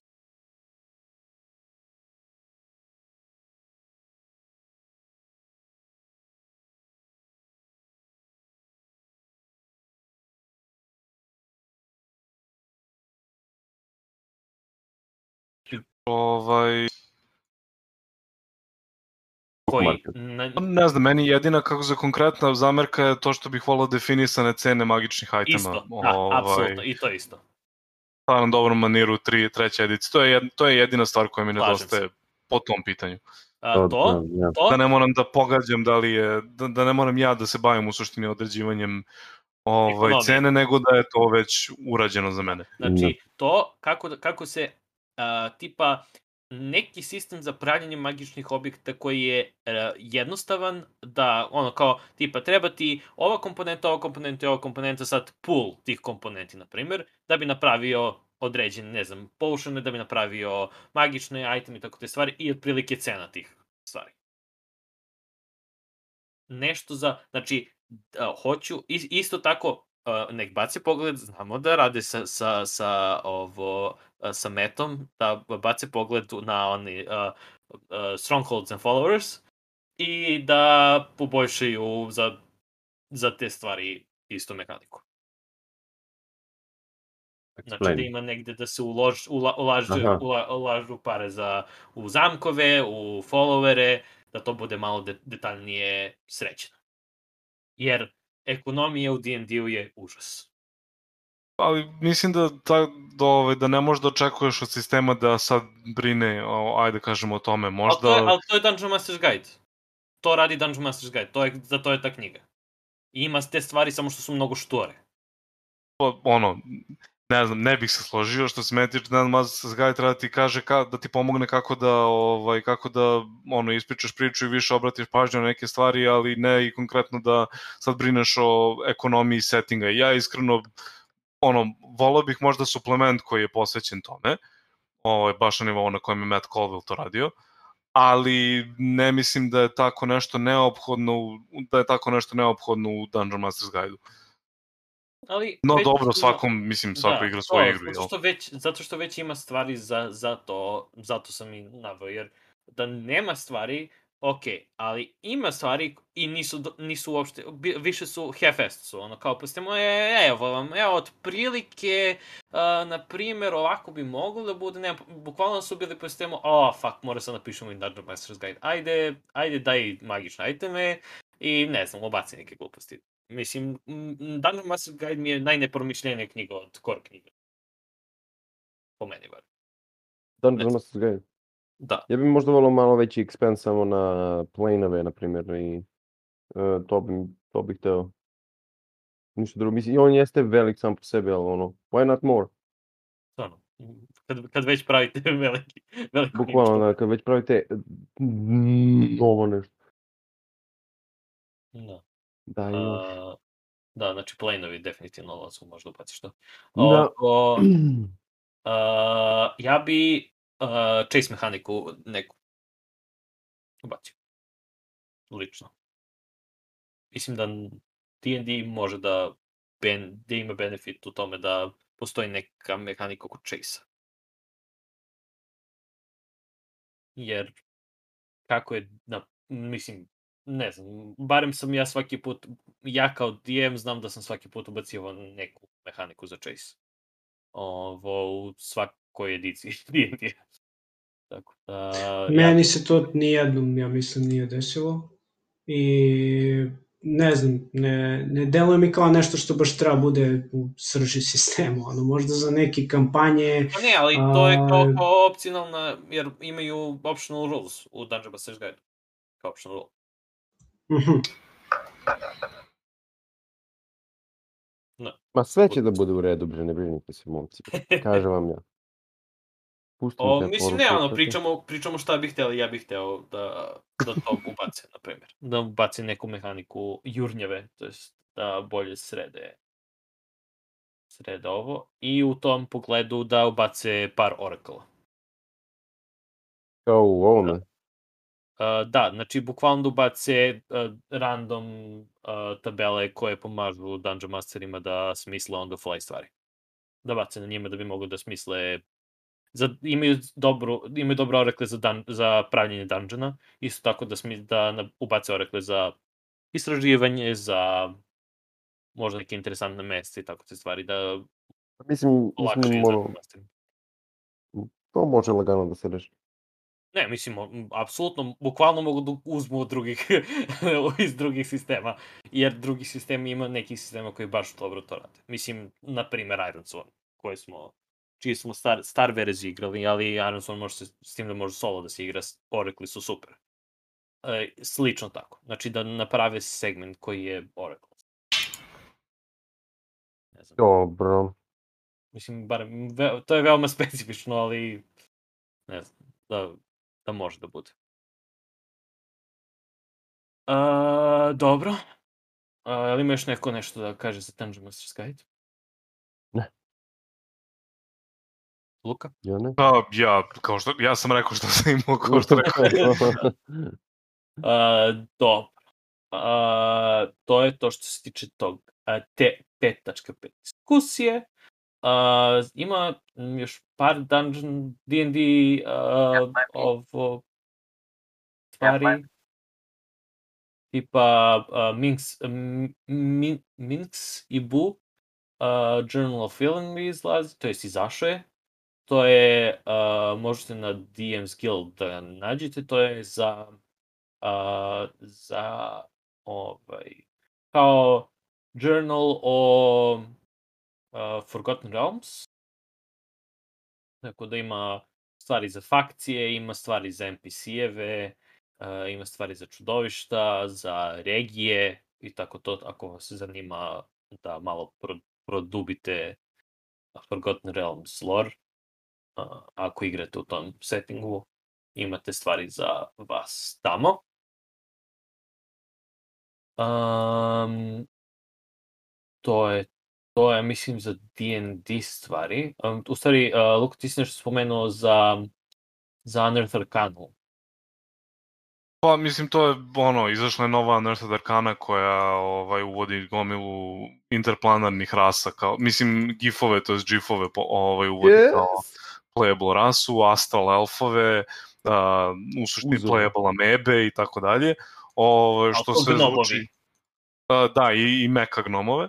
Ovaj, to je autognomove. Uh, što se zvuči, mislim, prilično interesantno i mi, mislim da neko potvrđuje da će Spelljammer biti jedan od ovaj, settinga koje, ovaj, na kojima trenutno rade, na koji će dobiju glow up u nekom narodnom periodu, što je lepo. Spelljammer je zabavan. Ovaj, ali to je, mislim, nema, nema tu mnogo više šta da se kaže. Da, Stvarno a, oni već neko vreme rade na Spelljammeru. Znam da su Dobro, ali pričali- lepo je dobiti ovakav ono poluzvanični, poluzvaničnu Da, potvrdu. kao uh, tease, Da.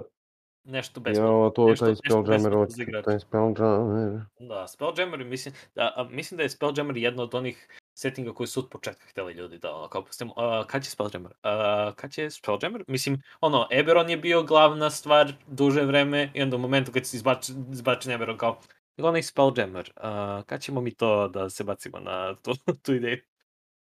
A, eto, očigledno rade na tome, mogli su to i malo Da. brže, ali bože moj.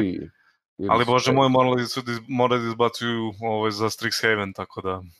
Da, morali, su, morali, morali smo da imamo uh, magičnu školu. Da, magična škola magije, idemo... Da, kapitaliz, da kapitalizuju na tom Harry Potter IP-u 2020. Tako je, tako je. Um, ovo, uh, da, e, I još jedna stvar, um, Dungeons and Dragons Digital, to jest izgleda mi da Wizards pokušavaju da naprave svoj, mislim, sad spekuliše se, oni su izbacili za uh, posao i tako te stvari, sad neki kažu ne, ovo nije za to, drugi kažu da, to je za to, ali da će da prave nešto, uh, da prave svoj uh, tabletop, um, digitalni tabletop, to jest uh, stvari kao što su um, D&D Beyond, Roll20, um, Forge beše se zove ono, ima, ima kako bi rekao, Forge ili tako nešto, uh, gde ljudi igraju, uh, tako da po, iz, najverovatnije, pošto D&D Beyond nije u vlasništvu Wizards of the Coast, ovo izgleda mi da pokušavaju da naprave svoju verziju za Dungeons and Dragons. Tako da Neki to je sa srećom. da, to će bude interesantno da se, da se vidi, jer ako to uspe da naprave kako treba, to će da bude smanjen procenat za A čekaj, u čijem je vlasništvo ako nema njih? Hasbro? a, privatno, mislim, Mhm. napra, oni su, sajt je napravljen ne, nezavisno od, uh, od uh, Wizards of the Coast. Privatni vlasnici su. Kog sajta? Budiš, Kog sajta? A, D&D Beyond. A, okej. Da, D&D Beyond je trenutno najveća platforma za D&D ovo što se tiče digitalnog, digitalnih stvari i oni imaju partnerstvo s njima, ako se ne varam, ali ovo a, izgleda mi da sad prave svoj, pošto to onda mogu da kontrolišu maksimalno. Je. Tako da, to je, to je otprilike to. Što se tiče uh, D&D-a, uh, imamo neke statistike, uh, Roll20 statistike, uh, gde Zbacili su ko šta igra na Roll20-u, kad smo kod tih uh, platformi. Uh, I D&D u uh, najvećem dominanstvu tri- uh, 53,7% Mhm. uh, je D&D. Uh, e sad ima oko 20% je uncategorized, znači da su random ne, ne, neimenovane stvari, to jest barem ne konkretno ovo, da su uzeli neki od sistema koji su ovo, za koje, pošto da Roll20 ima, uh, kad se pravi, može da se karakteriše koji se sistem igra i onda da se uzmu uh, za likove, character sheetovi za likove, uh, da bi mogao da koji su ugrađeni već u Roll20, a Roll20 za one koji ne znaju je uh, sistem, to jest je sajt na kome se igraju tabletop RPG-ovi, a, to jest mogu da se ovo, imaju svoj shop i tako te stvari, ima digitalne stvari da se kupe a, isto na njemu. Ovo, knjige i tako te stvari, tako da a, tip, a, 20% ne kategoriš uopšte i onda 16,3 Call of Cthulhu posto. Da, meni to Call to, sledeći posle D&D-a je Call of Cthulhu. I onda posle toga su sve sitnice. Tipa Pathfinder je 3,4%. Uh, Call of Cthulhu mi je neverovatan zato što uh, zato što je World of Darkness ovde na 1,2%, da, a, a World of Darkness su kategorisali znači sve World of Darkness, znači vampiri, werewolf, sve. Uh, I meni je verovatno da Call of Cthulhu, mislim ono, ne znam, ono, ja ne znam toliko igrača Call of Cthulhu, a znam dosta igrača World of Dark, Darknessa i sad to može da bude samo zato što ono, ja znam ljudi iz Niša, Da. jete, i... li, lični bijes. koliko- Da, ali znaš, nisam znao da toliko odskače, jer ovo je baš, baš dosta. Mislim da je nešto treba uzeti u obzir tu to da World of Darknessu nije potreban Roll20.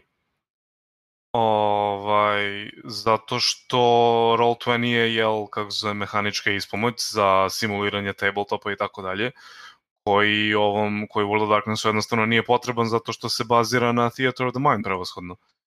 I u skladu s tim nema, ja recimo ono, ne znam zašto bih igrao, ovaj, zašto, bi, zašto bih koristio Roll20 da igram World of Darkness, World of Darkness igram, bih igrao preko Zooma ili Discorda i ne treba mi ništa više u životu. Mhm. Ovaj, tako Da, da, dobro. to nešto što bi trebalo uzeti u obzir što se tiče toga zašto World of Darkness nije zastupljen na Roll20. Ja bih rekao zašto, nije, Da. zašto mu Roll20 nije, nije potreban. Pa da. Da, hu- hvala, sad, sad, sad, Da. sad ima smisla. da, to. Da, pa se treba ti samo D, D, D, D10 ti treba... Upravo tako treba, i to je mislim, D10. to je storyteller sistem kojem takve stvari nisu neophodne. Da. Da, kad smo kod World of Darknessa, uh, bila je jedna od uh, stvari da izbacuju prvu oficijalnu LARP knjigu.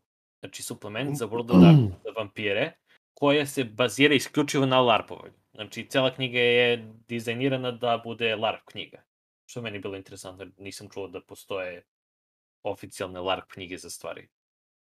To mi je prvi put da čujem ono, kao, e, ovo je LARP knjiga. Znači, knjiga, baš i mehanike da, ono koje larperi koriste da ne budu kockice, mislim da ne bacaš kockice ispred ljudi. Uh, ovo i tako te stvari za potpomaganje za LARP. Mislim, pravi ga uh, studio koji nije, nije njihov, ono, nije uh, njihov uh, in, in-game studio, ovo, ali ga, uh, ali su radili već neke stvari sa sa uh, Kickstarterom i radili su pre i sad su oficijalno licencirani da naprave.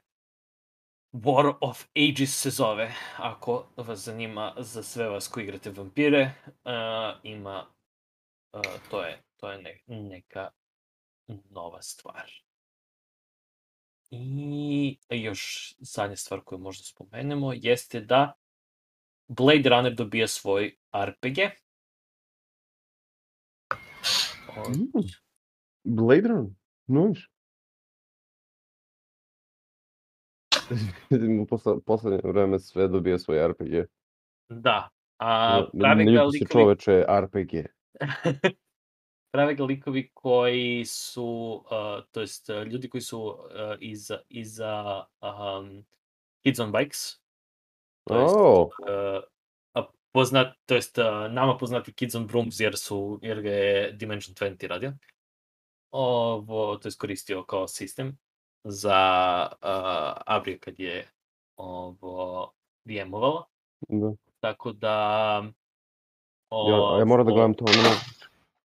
Da, ako, ako vas zanima Blade Runner kao uh, RPG, uh, sada ima knjiga koja izlazi i od pouzdanih uh, dizajnera knjiga. Tako da uh, možete da bacite pogled na te stvari. Uh, I to je otprilike to. Mislim da smo, otužili smo ga dosta. Tako da... Ma, ja samo hoću da kažem da ću da imam watch party za treću sezonu Critical Role. A da, da, Critical Role Watch. Critic, a, da, da, Dimitrije, Critical Role Watch Corner. E, Šta možeš da nam kažeš o Critical Role? Ali ništa, BTU d- 22. februar 2022. godine for the Amazon special. Takođe i treća sezona počinje i e, uskoro, mislim, ne znam koliko u detalja da idem, da idem u detalje do toga da svake, da svake poslednje nedelje u mesecu neće biti streama, zato što imaju e, break. Znači što da, o tome da pričam. ne, novi a, studio, da, novi sto, mislim da su sad spojeni, ne mogu se setim. Nisam vidio. Da, m, koliko se vidio, a, ovo, igraju, a, ovo, prirekordovano izbacuju. Da, pri rekordovanju stvari, izbacuju, jer je lakše za manevrisanje. Što je sasvim okej, nemam ništa protiv. Ne verujem da će da menjaju neke starke, sta stvari mid ovo. Uh, izbacit će art segment, to mi je malo krivo. Ali ubacit će ga uh, na njihovom sajtu, tako da ima tu. Um, I tako, mislim, dobro. Da, znači Second najavljena treća kampanja, a, ovo isto, isti svet kao što su ova Mm. bila, samo što je u, što mi ću u šolju, bre, što držim u ruke. A, dve, Ali su da, na, na trećem kontinentu, na marketu. Na marketu Da, počinju. Da, da. da. Wow, ok, ovo će bude interesantno onda. Neće da idu na onu, kako se zove, ima onaj gde su te je, kako se zove bre, gde je Slayer, nije, nije Slayer Stake, nego da su išli bre, u prvoj kampanji su se vratili tipa na kratko. Ne znam, nisam gledao prvu kampanju, tako da ne mogu da komentarišem. Mm, uh, ok, ok, nastavite vi, ja, ću, ja moram da tebi... A, da, a februara izlazi a, ovo Amazon, to jest a, animirana a, ovo animirani serijal koji je na Kickstarteru koliko beše bilo bilo neka No, no, no. Mnogo. je- Mislim Mnogo. da je oko than pet. 14 miliona su uspeli. Je. da- to, tako nešto 14-15 miliona su bili kupili i to izlazi oficijalno a, februar, 22. februara 2022. godine i a, sva, svi, mislim, voice aktuju svog, a, svoje likove i ima puno stvari koje su Da, to- um, a, a, to a, je da, prva a, kampanja. je, region na koji, kontinent na koji se tada kažem je iz Silnara, se ne varam.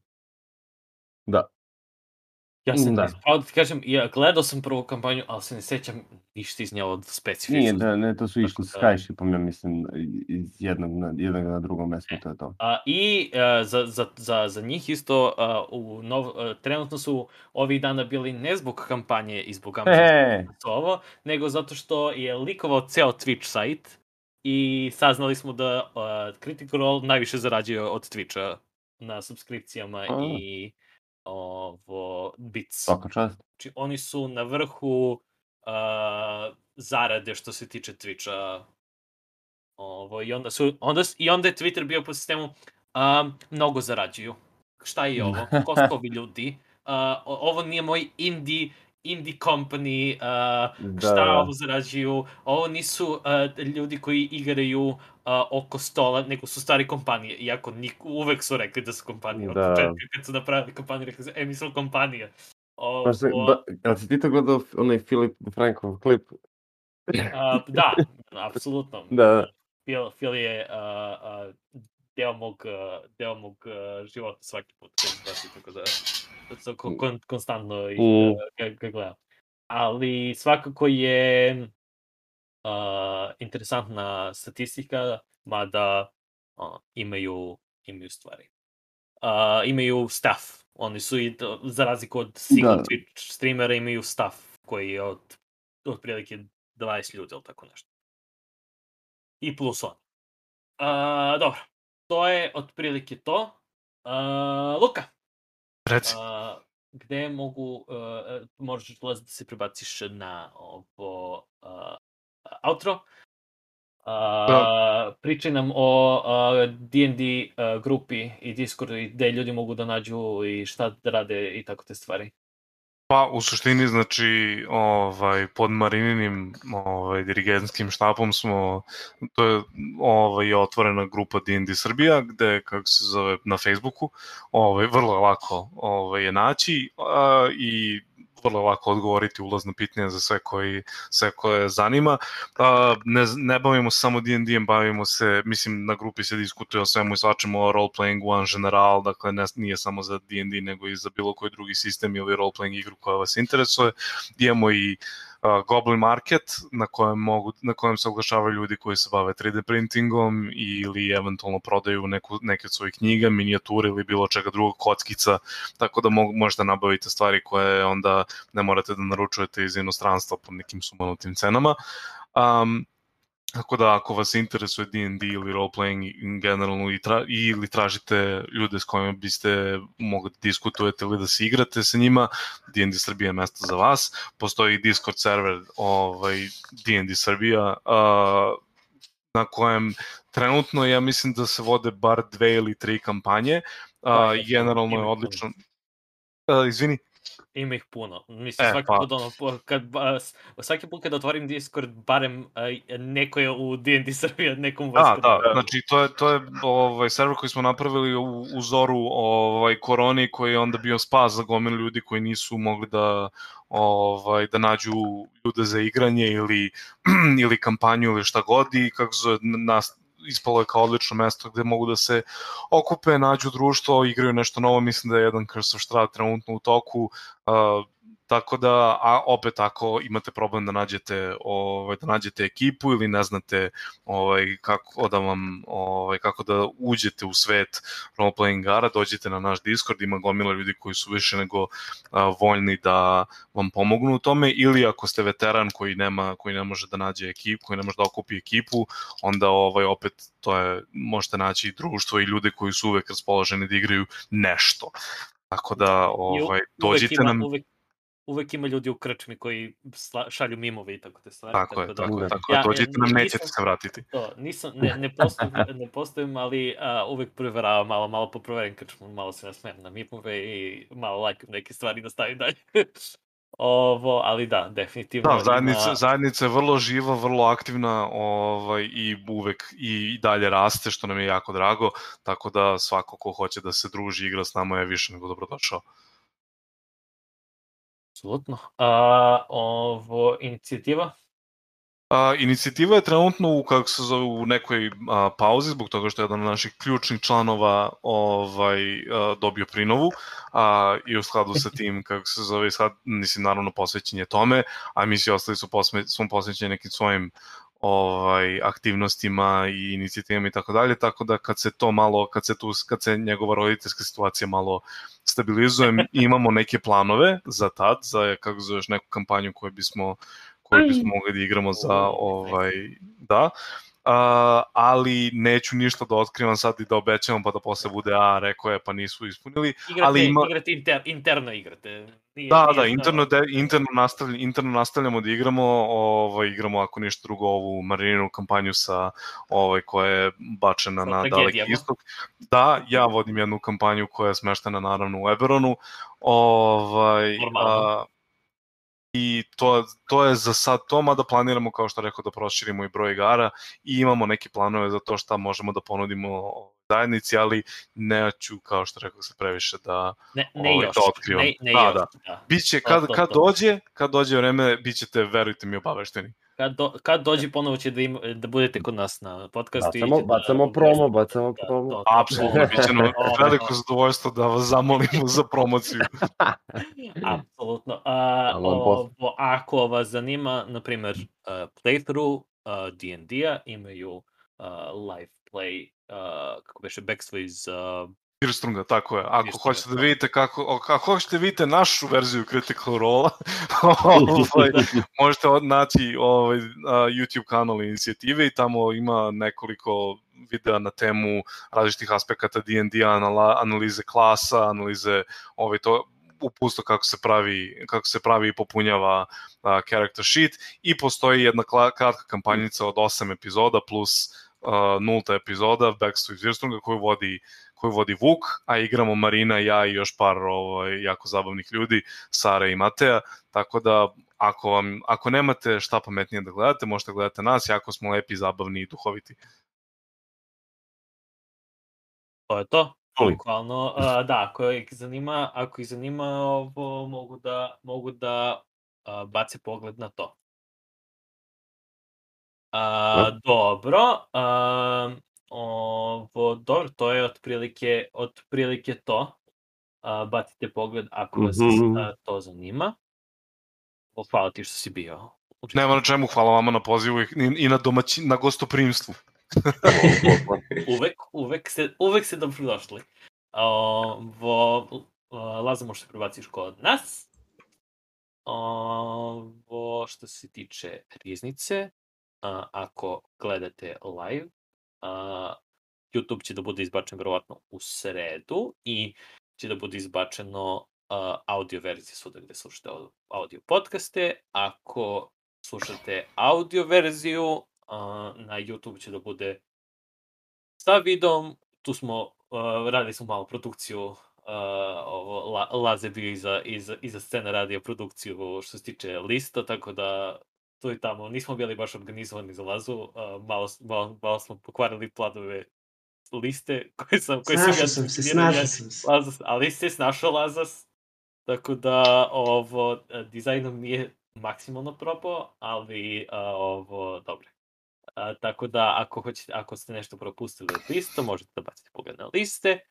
I a, što se tiče riznice, na Instagramu i na Faceu izlaze nove, kad su nove epizode, iz, izbacujemo obično kad, o, kad idemo live i kad najavimo. Ob, generalno je nedelja od 12 sad, Da. sad ideja.